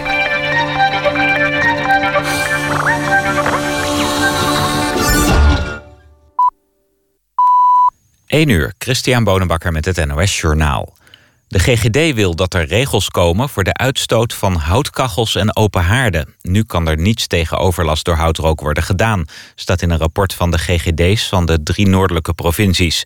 Uit cijfers blijkt dat de concentratie fijnstof in houtrook... soms wel tien keer hoger is dan de norm die de Wereldgezondheidsorganisatie adviseert. De GGD vindt dat voor rookoverlast dezelfde soort regels zouden moeten komen... als voor bijvoorbeeld geluidsoverlast. Wie de norm overschrijdt, kan dan worden aangepakt. De Verenigde Staten sturen een oorlogsschip naar een eilandengroep in de Zuid-Chinese Zee. Het gaat om de Spratly-eilanden, waarop aanspraak wordt gemaakt door onder meer China, Vietnam, Maleisië en de Filipijnen. De onbewoonde eilandjes liggen in een visrijk gebied waar ook olie- en gasvoorraden zijn. China heeft een paar riffen in de buurt opgespoten tot eilanden... om zo zijn aanspraken op de Spratly-eilanden te versterken. De VS maakt zich zorgen over de Chinese machtspolitiek... en stuurt daarom een torpedojager en een verkenningsvliegtuig... naar de Zuid-Chinese zee, naar eigen zeggen om de vrede en veiligheid te garanderen. Archeologen hebben in Griekenland een grote begrafenisschat gevonden. Er lagen gouden zegelringen, een ketting, gouden en zilveren kelken, een zwaard en meer dan duizend stukjes edelsteen in. De juwelen werden gevonden in een tombe uit 1500 voor Christus. De waardevolle voorwerpen lagen bij een lichaam dat in een houten kist was gelegd. Het lichaam was van een man van 30 tot 35 jaar oud, waarschijnlijk een belangrijke strijder. De vondst toont aan dat juwelen niet alleen in vrouwelijke graven werden gelegd, zoals vaak werd gedacht, maar ook in die van mannen. Het weer. Vannacht is het droog. Minima tussen 5 en 7 graden met lokaal kans op mist. Daarna een zonnige dag met temperaturen van 14 tot 19 graden. In de loop van de dag wel wat meer bewolking. Woensdag is het bewolkt met wat, soms wat regen. Maar daarna volgt weer een aantal droge dagen met geregeld zon. Tot zover het NOS Journaal. ANWB Verkeersinformatie, een file op de A7, Groningen richting Heerenveen... tussen Tijnje en Tjallebert een file van 2 kilometer... en dat levert bijna een half uur vertraging op. En dat was de verkeersinformatie. NPO Radio 1. VPRO. Nooit meer slapen.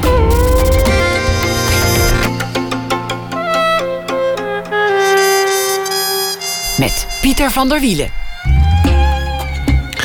Straks een eh, gesprek met regisseur Joost van Ginkel over The Paradise Suite. Dat is een eh, film die deze week in roulatie gaat. En het wordt ook de Nederlandse inzending voor de Oscars. En regisseur Annemarie Borsboom, die spreken we over BOI Song of a Wanderer. Een documentaire over jonge mensen die het land ontvluchten. Maar we beginnen met Rachid Noverre, die deze week elke nacht een verhaal zal maken over de voorbije dag. Hij debuteerde met de bundel Reigers in Cairo. Heeft verschillende romans gemaakt. Het Lied van de Rog, Afkomst, Hoogmoed. En het laatste boek heet Zeg maar dat we niet thuis zijn. Rachid, goeienacht. Goeienacht. Elke nacht een verhaal over uh, de voorbije dag, de actualiteit of iets anders dat uh, op je pad is gekomen. Wat is het vandaag uh, geweest dat jou inspireerde? Ik las dat de natuur oprukt in Amsterdam. Dat er uh, vormen van natuur uh, worden gesignaleerd die ervoor niet waren. Zeehonden uh, voorbij het ei. Lepelaars opnieuw. En ehm, daardoor heb ik me laten inspireren. Goed, ga je gang. Later, toen ze terugkwam, vond Mira een briefje op haar tafel. Waar was je? Ik heb drie kwartier op je gewacht. Ik heb ook een knipsel voor je meegebracht. We broeden na jaren weer lepelaars op de Lutendam in Noord.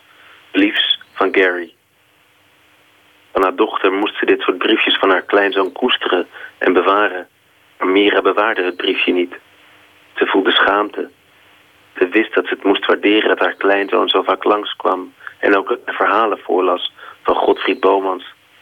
Ze wist dat het zeldzaam was dat kleinkinderen vaak in het huis op bezoek kwamen... Ze wist dat er ouderen waren in het tehuis... waarvan de kleinkinderen slechts één keer per jaar de filet Amerikaan uit hun kerstpakket kwamen stelen. Maar waarom vertelde Gary iedere keer dat hij op bezoek kwam... over nieuwe, zich herhalende vormen van natuur in de stad? En waarom had hij nooit een vriendin? Iemand had een zeehond in Amsterdam gezien, beweerde Gary. Die was dan weer opgedoken in de Amstel ter hoogte van de Hermitage. Misschien was het waar... Het was bijna avond en bij het licht van de schemering kostte het Mira moeite een spiegelbeeld te onderscheiden in het flauwe raam. Ze kon zich niet onttrekken aan de gewaarwording dat de avond haar ergens voor wilde laten boeten. God had ook geen vrouw, dacht Mira opeens. Ze had zin om op bed te gaan liggen huilen, maar er kwamen geen tranen. Na een tijdje werd ze rustig. Ze probeerde na te denken over de zeehond. Zeehonden hebben het zoutgehalte van de zee nodig om te overleven, dacht Mira. En kunnen dus niet voor altijd in de rivier blijven. Wat deed het dier daar? Ja, wat deed dat dier daar? Ik vind, ik vind het eerlijk gezegd uh, moeilijk te geloven dat er, dat er een zeehond binnen de stadsgrenzen van Amsterdam zich zou bevinden. Heb je het wel gehoord? Heb je het wel gehoord? Want hij is wel gesignaleerd, hè, die zeehond. Nee, ik had het, ik had het helemaal niet gehoord. Ja, ik, ik uh, las dan ook weer dat het voor sommige mensen een hoax zou kunnen zijn. Ja. Maar uh, nee, ter hoogte van de Hermitage is uh, toch echt een zeehond waargenomen. En zeker ook bij het Amsterdam-Rijnkanaal. Het heeft ook te maken met de schonere kwaliteit van de grachten. Heb ja. ik heb je vernomen. vernomen. Ik hoorde ja. laatst wel iets over een meerval. Dat, dat er een meerval ergens in de Amstel zou, zou, zou zwemmen. Ja, bevers verwachten ze ook weer otters. In ieder geval komen de lepelaars terug naar het Sloterpark. Nou ja, de natuur rukt op in Amsterdam, wat op zich een, een prachtig uh, bericht is. De Volkskrant besteedde er aandacht, uh, uitgebreid aandacht aan vandaag. Oh, daar heb ik dan. Uh, ja, dingen over natuur sla ik vaak over in de krant. Maar een wonderlijk, uh, wonderlijk bericht. zijn vaak ook de dingen die ze rond 1 april gebruiken bij de regionale zenders. Hè. Dan zeggen ze, er is een krokodil in het riool... of er is een, er is een haai in de, in de Oude Rijn, of weet ik veel wat. Ja, nee, dat is goed voor gimmick inderdaad. Maar er zit een kern van waarheid in dit geval. Goh, het heeft een mooi verhaal uh, opgeleverd. Wat uh, moet die zeehond daar? Rashid, dankjewel en graag tot morgen. Jo, tot morgen. Dag. Son Little is het alter ego van Aaron Earl Livingston, een jonge muzikant uit Philadelphia. Van zijn eerste plaat Things I Forgot draaien we het nummer van de plaat. About a Flood.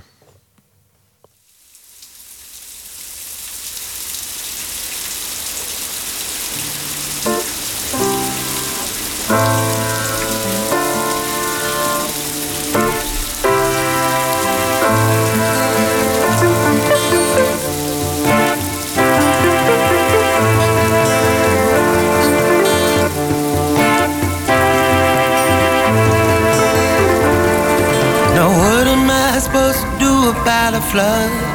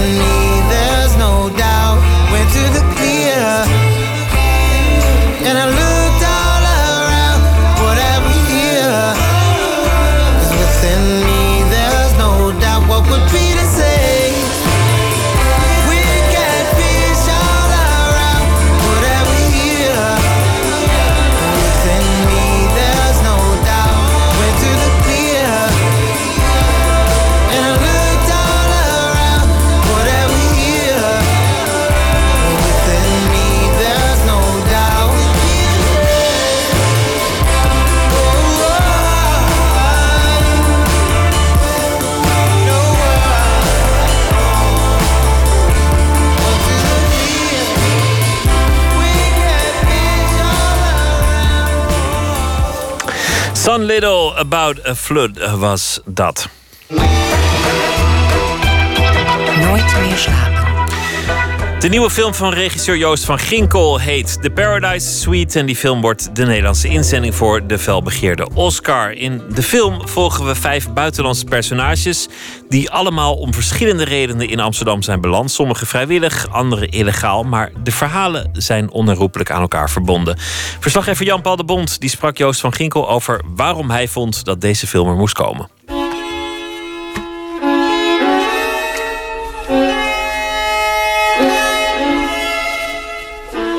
Het, het basisuitgangspunt van de film was vijf mensen die naar Nederland komen, die hun geluk proberen te zoeken. En ik vind gelukzoekers vind ik helemaal geen negatief thema, vind ik eigenlijk een hele goede thema, want dat doen we allemaal. En uit volstrekt verschillende eh, eh, afkomsten. En ik wilde dat ze elkaar allemaal zouden ontmoeten en elkaars leven zouden beïnvloeden, het liefst met eigenlijk alleen een blik. Hi. Where are you from? Does it matter? What are you doing here? Same as you. No. You're not doing same as me. Uiteindelijk komen ze allemaal samen op één plek waar je eigenlijk allemaal niet zou moeten zijn. En waar het over, voor mij over gaat van, ja, om, om te laten zien hoe we als mensen in elkaar zitten. Het gaat niet over de, de wallen, het gaat ook niet over de oorlog in Bosnië. Het zijn allemaal universele verhalen om te laten zien wat er, eh, wat er in ons zit. En hoe we daarmee omgaan en hoe die mensen eh, eh, met een overlevingskracht er bovenuit proberen te komen. Net zoals nu de vluchtelingen in, in de Balkan op pad. Iedereen probeert zijn eigen stuk plastic te vinden om maar droog te blijven, zeg maar. En in eerste instantie hou je die wel over je eigen kind heen. En dan zie je dat ergens anders misschien een kind dat niet heeft. Ja, ik vrees dat 99% van de mensen zouden datzelfde doen. Je houdt hem over je eigen kind heen. En dat is, zo zit het in elkaar. Keiharde drang tot overleven. En is dat dan een, een film die je voor jezelf maakt? Of vind je iets dat verteld moet worden? Eh, het moet verteld worden. Ja. Ja, je kan zeggen, heeft het zin om zo'n film te maken? Aan de ene kant kun je zeggen, dat heeft helemaal geen zin... want de mens verandert niet, zeg ik nu zelf ook. De mens verandert toch niet, dus waarom zou je het doen? Je kan ook zeggen, nou, het, is in ieder geval nog minder goed... om er geen film over te maken. Je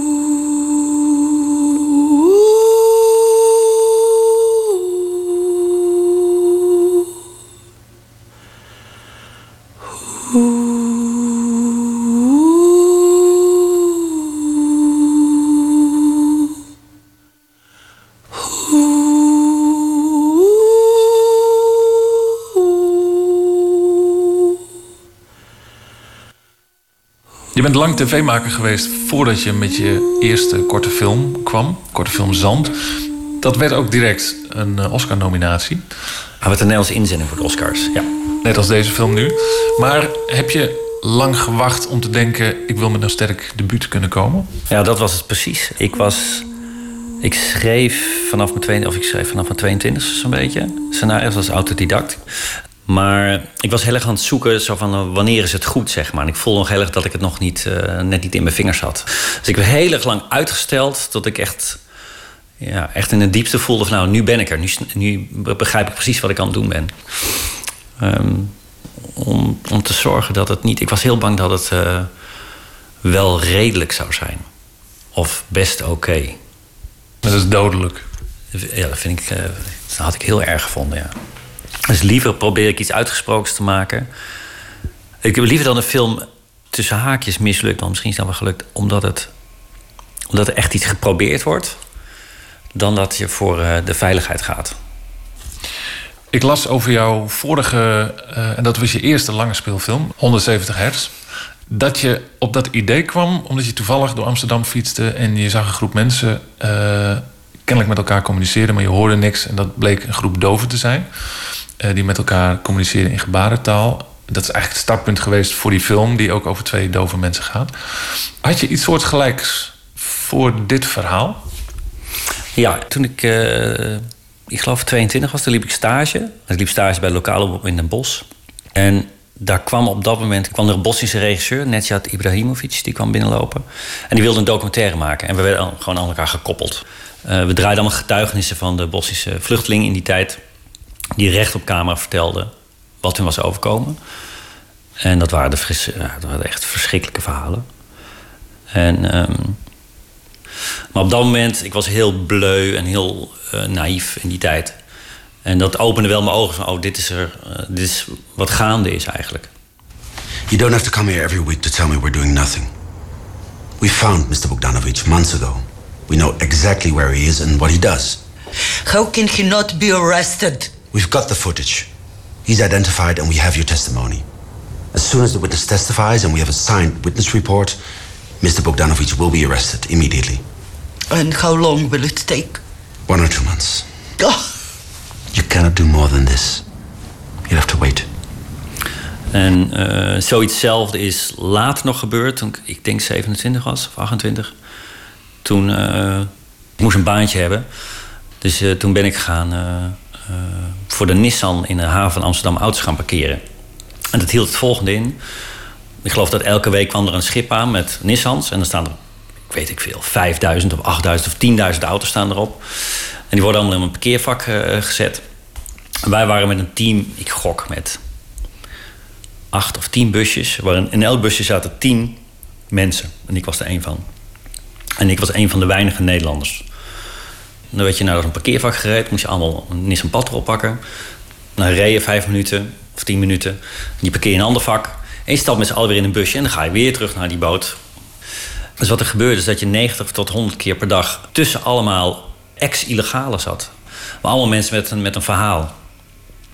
Nou, die verhalen zitten niet één op één in mijn film. Zo is het niet. Maar het is wel dat de verhalen die ik toen heb gehoord... dat is eigenlijk de, de bron van deze film.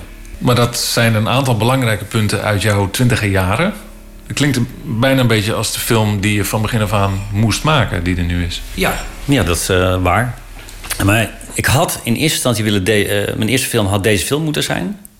Maar ik voelde gewoon aan mijn intuïtie: ja, dat is niet slim, dat is niet handig. Zo'n mozaïekconstructie is echt heel complex om dat te maken. Ik was bang voor, als ik dat nu als eerste ga doen, zit er een risico in dat ik me eraan ga vertillen. Omdat ik het nog net niet machtig genoeg ben. Dus toen besloot ik van nou, ik ga uh, wel een hele uitgesproken film maken, maar een iets kleinere film. Met twee hoofdacteurs. En dat werd 170 hertz met uh, Jans en uh, Michael Muller.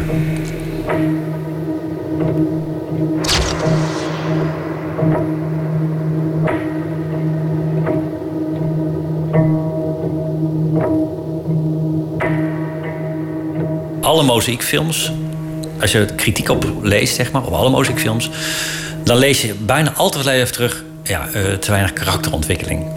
En dat is heel simpel, omdat je uh, minder tijd hebt voor een karakter. Dat zit in elke mozaïekfilm opgesloten. Dus dat uh, ja, heb ik geaccepteerd als een voldongen feit. Vijf verhaallijnen in twee uur. wat je dan moet doen, is dat je eigenlijk een soort van. Iemand zei dat ooit, ik vond het wel een mooie term. In, een paar krachtige penseelstreken zet je die karakters neer elke scène moet daar echt over gaan. Er zit minder rust in of zo in zo'n film. Het, is allemaal, het, het verhaal wordt hele tijd voortgestuwd. En uh, ja, ik merk nu ook dat die werkt voor het publiek. Maar je merkt ook dat mensen af en toe naar adem moeten happen. De ademhappen komt misschien ook een beetje door de expliciete uh, geweldscènes die erin zitten. Als je dat maakt, dan benader je het natuurlijk technisch. Maar ik kan me voorstellen, je hebt hiervoor heb je jarenlang van man bij het hond gewerkt. Is dat niet heftig om, misschien niet eens om te draaien, want dat doe je met een team, maar om het te editen? Nou, om, om het te draaien is nog, is, dat is het heftigste eigenlijk. Kijk, we hebben natuurlijk, er zitten een paar hele eh, heftige scènes in. En wat veranderd is dat het heel lang is voorbereid. Dus de hoofdrolspeelster en ook die meisjes die die scène spelen. Er zit een verkrachtingsscène in. Die hebben echt al anderhalf jaar of twee jaar van tevoren gecast. Dus ik kreeg precies hoor, nou, zo gaan we het doen. En dit is in beeld. En daar en daar ben je naakt en daar en daar niet. En toen hebben we datzelfde gesprek we acht maanden later nog een keer gedaan. Zijn nog een keer in Bulgarije gegaan. Dus stukjes scènes, de essentie moet je heel erg precies aanpakken. Zodat ook eigenlijk geen enkel shot over hoeft. Dus je wil de acteurs ook niet, uh, geen seconde extra dat gevoel laten hebben. Want ze voelen dat ook zo op dat moment. Alleen er is een andere kant hieraan ook. Dat die acteurs wilden heel graag deze film doen. Ook die andere meisjes die meespeelden voor die bijrollen.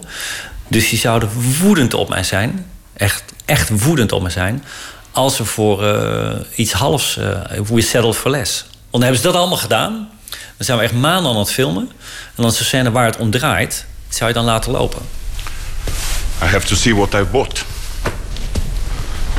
So, take your clothes off. Take it off. No.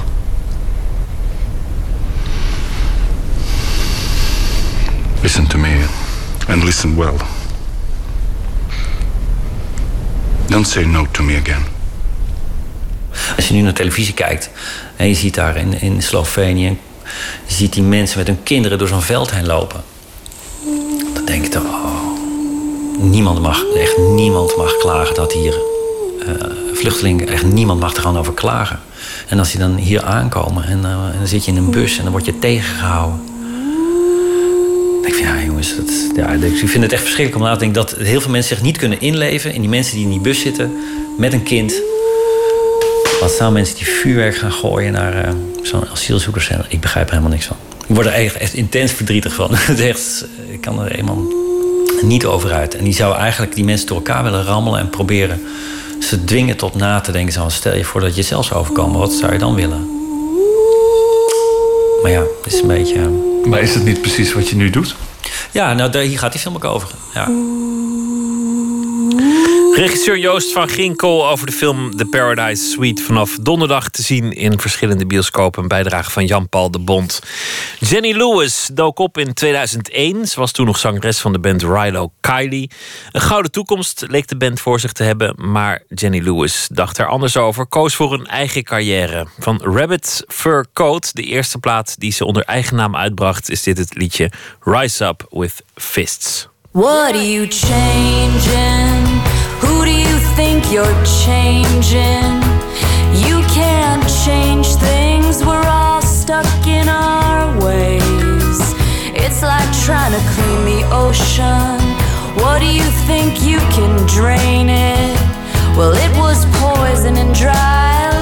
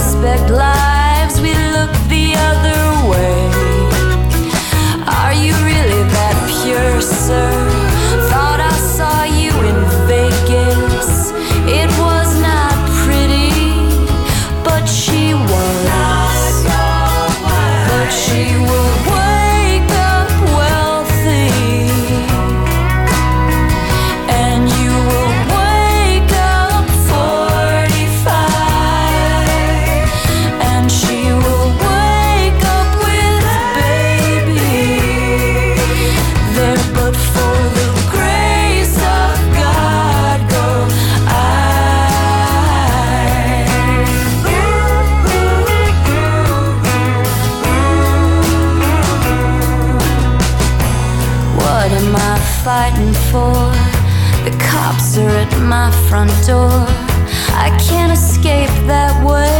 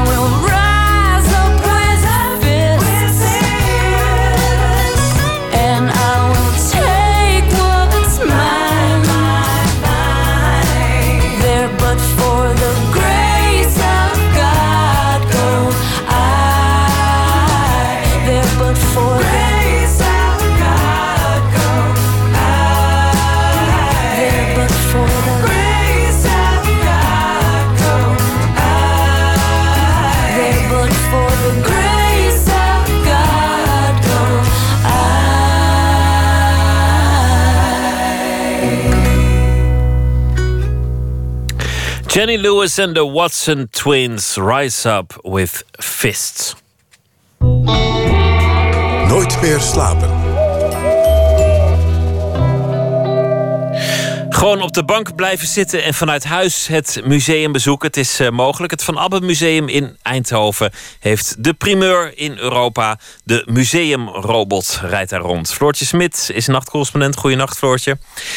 Wat is het, een eh, museumrobot en voor wie dient dit? Nou, het is natuurlijk niet de bedoeling dat je, eh, dat dan thuis, dat je dan thuis gaat inloggen als je gewoon te lui bent om naar het museum te gaan. Het is bedoeld ehm, voor, voor mensen zoals Teken. En Teken die figureert in een, eh, in een filmpje van het Van Abbe Museum dat nu op, op YouTube is gezet. Het is een vrouw die ooit kunstacademie studeerde. Maar ehm, nu zo ziek is dat ze eigenlijk het huis helemaal niet meer uit kan. Ja, zeg maar zo'n 20 jaar geleden is Teken wel geconfronteerd met een ernstige ziekte. En dat heeft ons leven wel een beetje op zijn kop gezet. Maar ja, daarna zijn we gewoon verder gaan leven. En we hebben er het beste van gemaakt. We zijn vroeger wel eens naar een museum gegaan, maar niet zo frequent. En later, toen Teken naar de academie is gegaan... toen is zij samen met anderen veel meer naar, een museum toegegaan. Ja, nu, uh, ja, nu gaat dat niet meer. Dus... Uh, ja, we, we, kunnen niet meer uh, met z'n tweeën naar een museum toe gaan. Helaas. Ja, voor, voor kunstliefhebbers is dat natuurlijk echt een enorm gemis. Als je een fysieke beperking hebt en, en uh, uh, ja, je anders gewoon de deur niet meer uitkomt... die dus ook niet naar een museum kan. Uh, vandaar dat die robot, robot nu in het Van Abbe te gebruiken is. En het is bijvoorbeeld ook, waar ze nu ook mee bezig zijn... zijn dialysepatiënten die zitten heel lang vast in het ziekenhuis. Die moeten soms urenlang, krijgen ze zo'n dialyse... en dan kunnen ze eigenlijk gewoon, ja, kunnen ze tegelijkertijd naar het museum. Hoe werkt het, de museumrobot? Nou, het is eigenlijk, het is, ja, het is niet echt een robot. Het, volgens mij is het, het is een soort beeldscherm. Uh, dat beeldscherm staat op ooghoogte. En daarmee kan je door het, uh, door het museum rijden. Dus dat betekent dat je thuis via je pc inlogt. En dan kan je zelf besturen en inzoomen en uitzoomen. Um, hoe het precies werkt, dat uh, kun je ook allemaal terugvinden op dat, uh, dat filmpje op YouTube. En dan op het scherm van die robot is de bestuurder te zien. Dus het lijkt net alsof je gewoon letterlijk in het museum staat en dichterbij kan en verder af kan van die, uh, van die schilderijen. En er gaat dan een begeleider mee van het Van Abbe Museum... die, die ook nog uitleg kan geven bij de kunst. Dus ja, zo ga je dus naar het museum. Wat heeft het museum ertoe bewogen om uh, zo'n investering te doen... voor toch een relatief kleine groep? Ja, nou ja, ze hebben dit dan gekocht met behulp van de Bank Giro Loterij. En het maakt onderdeel uit van het uh, Special Guest programma. En dat is een programma dat uh, het Van Abbe heeft opgezet voor al die mensen die een beperking hebben en die toch willen genieten van kunst. Dus ze hebben bijvoorbeeld voelrondleidingen voor mensen die niet meer kunnen zien. En uh, ja, dan krijgen ze, de, ja, er zijn, er zijn een soort voelobjecten dan uh, gemaakt. Dus de, de, kunst is nagemaakt zodat de mensen het kunnen voelen. En ze werken dan met geur en smaak en muziek. Um, en doven en slechthorenden kunnen een rondleiding in, uh, in gebarentaal volgen. En uh, hier hoor je Maartje Hartjes. En zij is coördinator van dit uh, programma, dit Special Guest programma.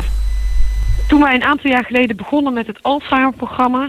Uh, Onvergetelijk van Abbe... in samenwerking met het Stedelijk Museum in Amsterdam... Onvergetelijk Stedelijk... dat wij voor die mensen met Alzheimer en hun mantelzorgers echt...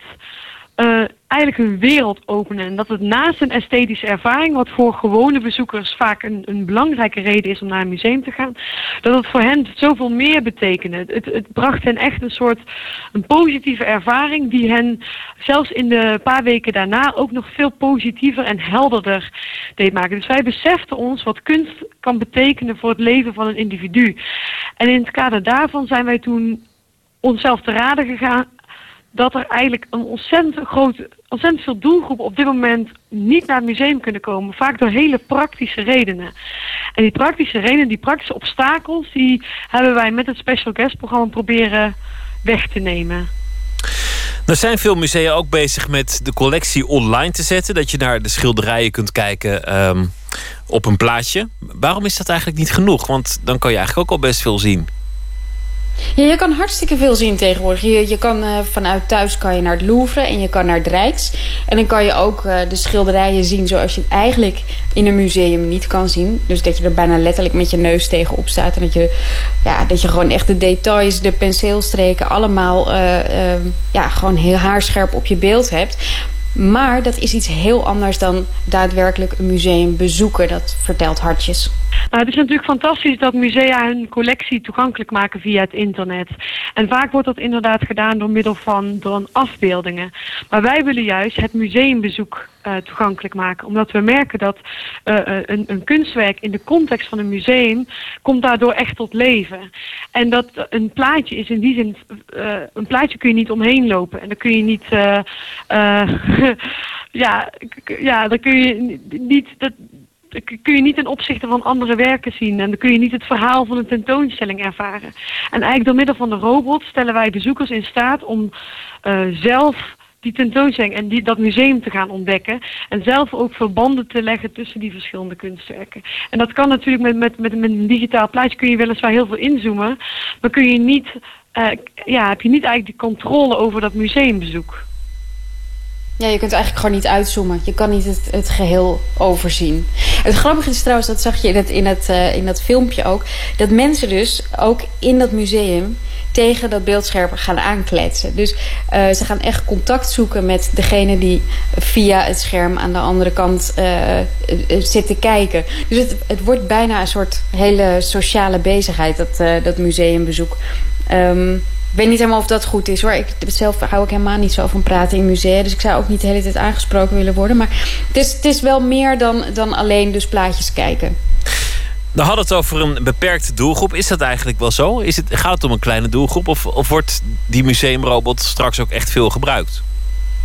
Nou, ik dacht zelf, ook- ik zei zelf ook al tegen haar van ja, het is, het is natuurlijk wel een heel klein groepje hè, die hier gebruik van gaat maken. Maar dat zag zij ook weer heel anders. Mijn indruk is juist, en dat, dat heb ik inmiddels ook wel door, is dat eh, mensen met een beperking, of dat nou slechthorendheid is, of slechtziendheid, of eh, mensen die minder mobiel worden, dat dat ook iets is wat heel erg ook met de jaren komt. Dus er zijn ook steeds meer mensen die, eh, we worden met z'n allemaal ouder, maar die, die groep die wordt, die wordt alleen maar groter, die dus niet naar het museum kan komen door allerlei verschillende redenen, waaronder dus een eh, mobiliteitsbeperkingen die ze, die ze daarmee krijgen. Dus ik denk juist dat die groep alleen maar groter wordt en dat we die cultuurliefhebbers juist ook in, in, in de jaren dat ze, dat ze misschien niet meer fysiek kunnen komen, alsnog kunnen, kunnen komen met, met de robot.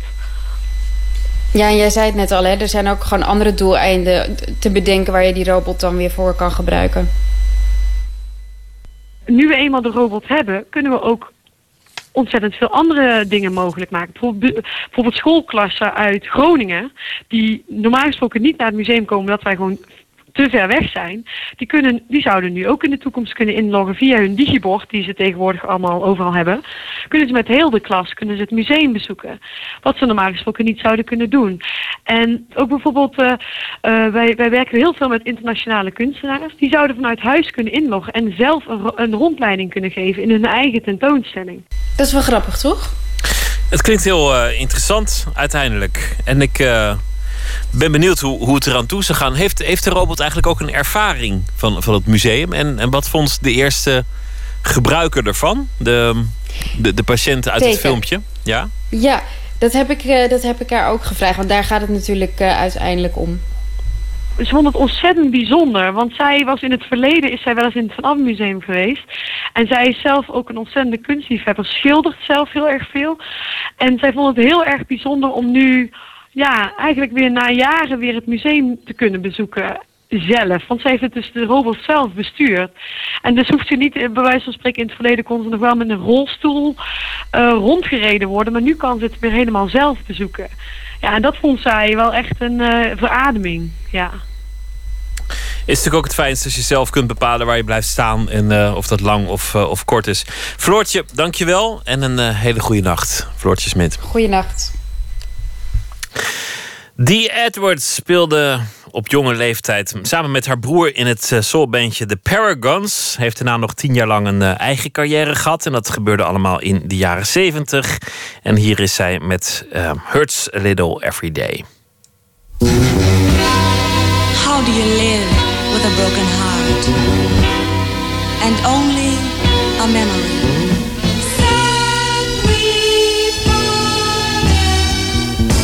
And I know what's in store for me. Mm-hmm. Hurt a little every day. Ooh,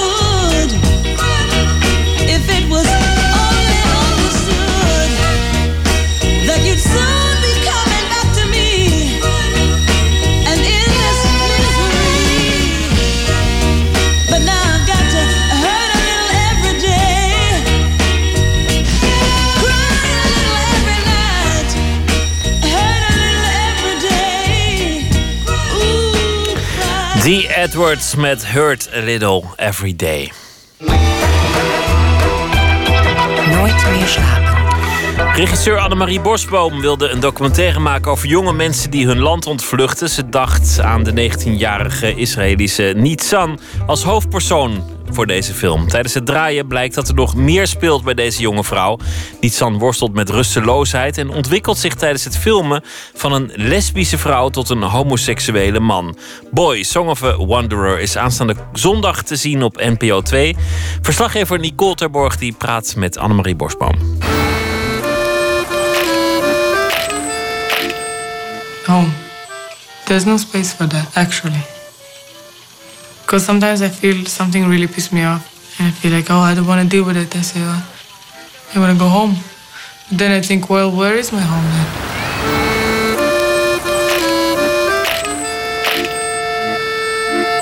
Ik kwam een meisje tegen in Amsterdam die eh, uit eh, Israël kwam en op weg was naar Tokio. En zij wou een nieuw thuisland vinden.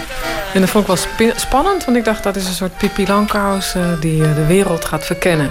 En ik dacht dat is een universeel verhaal van jongeren die zeggen nee, dit land waar ik in woon en waar ik in geboren ben, dat is niet mijn land, want ik ben het er niet mee eens hoe het gaat. Nou, in Israël, je weet het, het is nu weer eh hommeles. You know, everyone goes to another place in the army, so you can. But it doesn't matter. In the beginning, you're all uh, piece of shit, and they all treat you like no, piece of no, shit. no, no. It's. I don't think so. And, and who will defend your country, darling? Uh, From what to defend? From something that is like a money machine?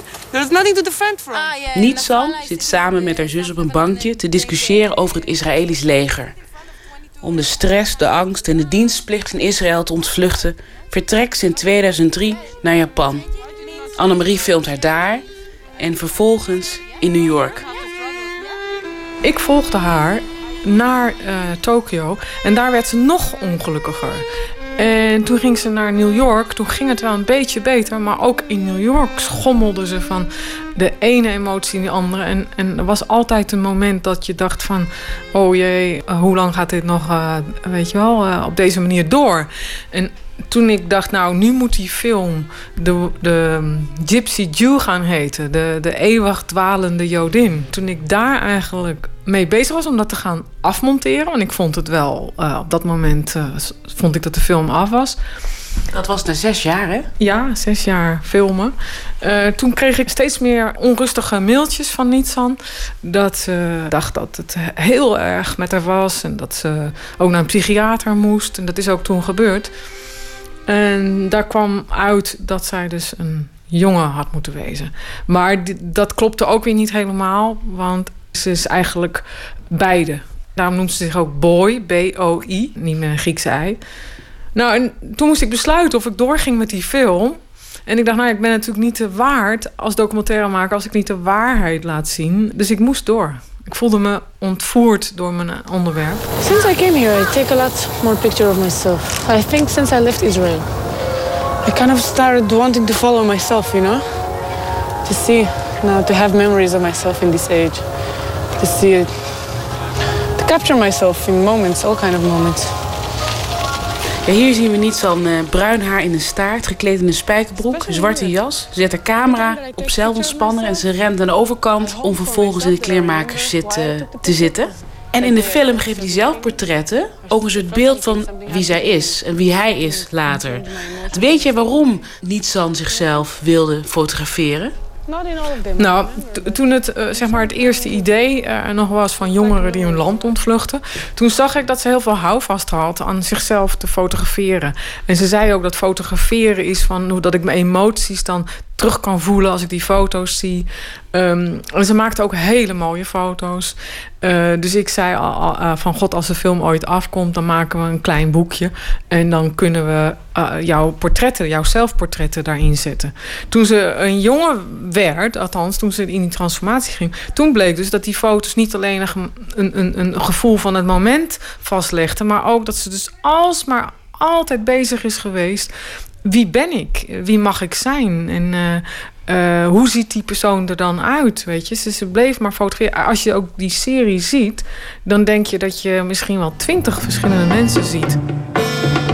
There's always this feeling that maybe one day, like maybe when I'll be really, really, really old and I can't travel anymore, then I'll probably go back to Israel. If there will be something to go back to, because they're so constantly distracting it. They don't wish for happiness of themselves. They don't even know that that's what they should wish in life. Otherwise, their life would look different.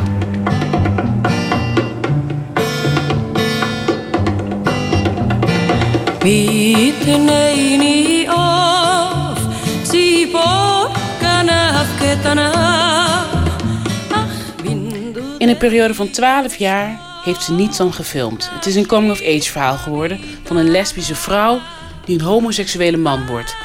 Nou, zoals jij hem hebt gezien, is, is heel mooi. Um, maar voor mij is het vooral de reis en de, de zoektocht naar geluk. Dus in principe is mijn thema niet eens veranderd. Toen ik de film af had, dacht ik... ik heb nog steeds een film over iemand die zoekt naar geluk. En dat was weliswaar niet een nieuw land... maar ze vond een nieuw geluk binnen in zichzelf. Ze moest zichzelf zoeken.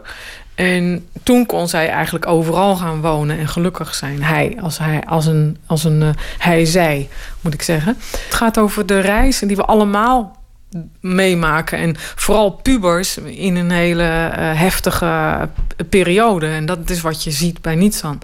Uh, dat is een heel heftig stuk, begin vooral. Later, als, als hij als jongen door het leven gaat... dan is hij veel meer geland. En dan krijg je ook uh, het gevoel: oké, okay, je ziet nu een volwassen persoon. We zien beelden van Nietsan als hostess in Japan, hoe ze haar fotografiepassie volgt in New York, vlucht in het uitgaansleven in Amsterdam en uiteindelijk haar borsten laat verwijderen in Florida. Ik voelde dat het die richting uit zou gaan met Nietsan.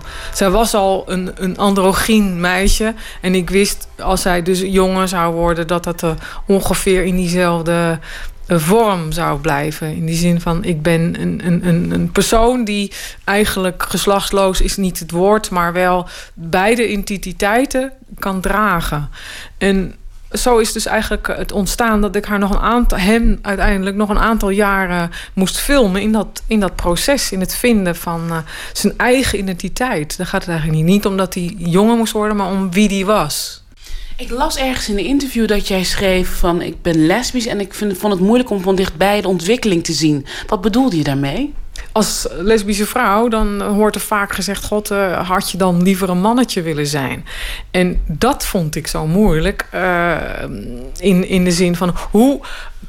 Als je het zelf uh, dus niet leuk vindt dat de wereld zo naar je kijkt, en dan bedoel ik niet mij, maar lesbische vrouwen, dan ga ik haar natuurlijk niet een stempel uh, geven van God, jij had dus een mannetje moeten wezen. En dat was in het begin moeilijk.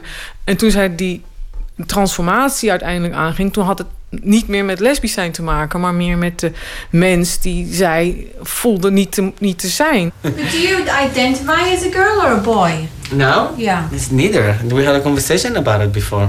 Mm. I'm kind of like the third sex. Some people call it trans. I don't like that name. But it's the same thing. I never liked when I was a lesbian. I never liked the name for lesbian. Just didn't like the definition. I think. I think I don't live well in the structure. I need to have a freedom to be whatever I want, whenever I want.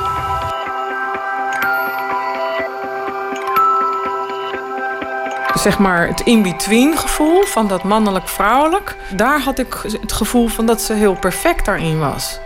En dat was mijn angst, dat als zij ja, tussen haakjes man wilde worden, dat dat een hele andere uh, mens zou worden. Niet, niet zo vloeiend.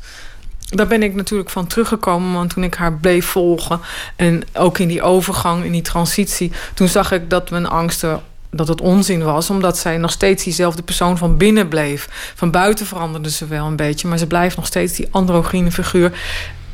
En dat zijn ook meestal mijn thema's in mijn film. Het, het gaat erom bij mij altijd om dat we niet zo moeten denken in hokjes. Dat we buiten verschillende. Uh, dat je zegt, je bent een vrouw of je bent een man. Dat, er, ja, dat je vrij bent in hoe je je gedraagt. I don't get how women act, so I'm like. I just don't like it when they yell at me, and, I, Yeah, and they when they tend get to the do that. time, yeah. They tend to do that a lot. That's why I don't like the girly girls, because all the drama comes with them. Yeah. When I start like kissing boys and stuff like that, it's easy and just flow. It's easy. They're easy. Yeah. Easier than women. Easier than girls. Vond je dat niet raar dat hij niet alleen van geslacht veranderde, ook van seksuele voorkeur? Dat vond ik helemaal niet gek. Dat had hem, nou ja, tenminste, als ik het zo mag uitdrukken, dat hij niet en zij toen niet hetero was. En misschien is dat een goede kwalificatie hoor. Je bent hetero of je bent niet hetero. Ik denk. ja. Hij is gewoon homoseksueel. En als Ja. vrouw viel op vrouw en als man op mannen. Ja, dat is het enige wat ik kan uitleggen. Maar ook eh, vond ik het niet vreemd, omdat ja, hij is opgegroeid in de, in de homo-scene, zeg maar. En de hele... eh, hetero is ook een cultuur, hè? En, eh, dus dat vond ik helemaal niet gek, nee.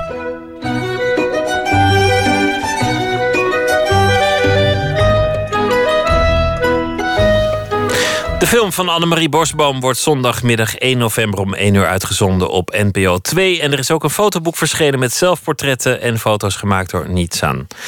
Vijf jaar geleden begon Devin Welsh met zijn project Magical Clouds. Maar het eh, kwam pas echt bij elkaar toen hij de krachten bundelde met multi-instrumentalist Matthew Otto.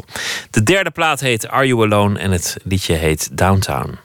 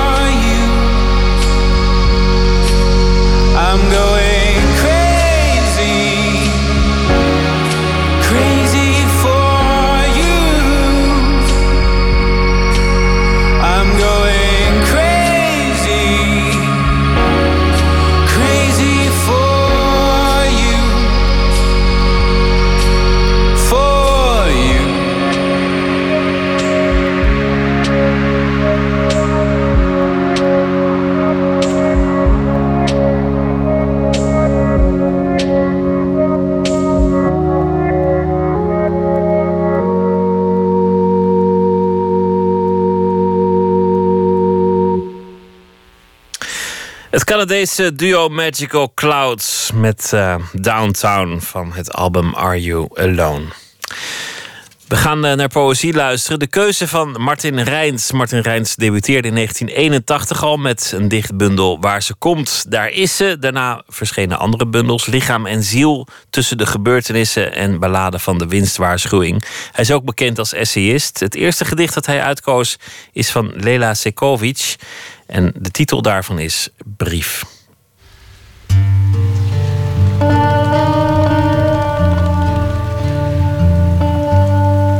Lela Setskovic, een dichteres die waarschijnlijk eh, tamelijk onbekend is geworden. Ze werd in 1936 geboren in Varaždin in Kroatië. En daar heeft ze ook eh, dichtbundels gepubliceerd in Zagreb. Maar in 1960 kwam ze naar Amsterdam. En eh, in Nederland heeft ze in het Nederlands poëzie geschreven. Eén bundel. Ze is de dichteres van één bundel. Die heet Belvedere, 1981. Waarvoor ze de Lucy B. en C.W. van Hoofd, Hoogprijs kreeg. Het gedicht Brief heeft ze in 1984 in de Revisor gepubliceerd. En het gedicht eh, herinnert mij gedeeltelijk althans aan een 17e eeuw genre schilderij. Zo iemand die een brief zit te schrijven. Ehm, er zit een mooi cliché in uit de toeristische folder. En vooral eh, is het gedicht vind ik indrukwekkend door een heel plastische beschrijving van de afstand die je kunt voelen ten opzichte van iemand die je erg mooi vindt. Het is een krankjorum einde, eh, waarin het ook eigenlijk gaat over het verschil tussen wat film is en wat poëzie is. Een brief. In het postkantoor in Florence. Het postkantoor bekend om zijn schoonheid. Op een avond aan een enorme lege tafel zit een beeldschone man en schrijft een brief. Verlicht door melkachtig schijnsel uit een tafellamp. Tussen hem en de wereld staan de rand van de tafel, wijd openstaande deuren, in schaduw verzonken ruimte, onbegaanbaar als een rivier vol draaikolken. In een film hadden ze deze scène ingekort met een kogel door zijn nobel voorhoofd of door de binnenkomst van een beambte. Brief, een gedicht van Lela Setskovic. En werd gelezen door Martin Rijns, die deze week elke nacht een gedicht zal voordragen. dat hij zelf uitkiest. Een gedicht dat hij zelf eh, waardeert, om wat voor reden dan ook. Morgen in Nooit meer slapen komt filmmaker Max Porcelein langs. Debuteerde met eh, de film Plan C. Daar kreeg hij eh, een gouden kalf voor voor het beste scenario. Deze week draait zijn tweede film, De Grote Zwaan, in de bioscoop. Een misdaadcomedie over een Amsterdamse schrijver die wat geld oppikt na een liquidatie waar hij toevallig eh, op het ongelegen moment komt binnenvallen met een eh, fantastische We gaan het morgen hebben over die film en over andere dingen. Henk van Straten over zijn nieuwe roman Bidden en Vallen gaat over een man die zijn huwelijk op de klippen ziet lopen. Laat dat nou net van Straten zelf ook gebeurd zijn. En we praten met eh, schrijver Philip Huff. Die heeft een boek geschreven over zijn persoonlijke leesgeschiedenis. Het verdriet van anderen. Dat allemaal morgen in Nooit meer slapen. Wens ik u nu een hele goede nacht en morgen een hele leuke dag. En ik hoop dat u dan weer zult luisteren. En zo meteen op NPO Radio 1 kunt u luisteren naar de EO. Ik wens u een hele goede nacht. Fijn dat u heeft geluisterd en graag weer tot morgen.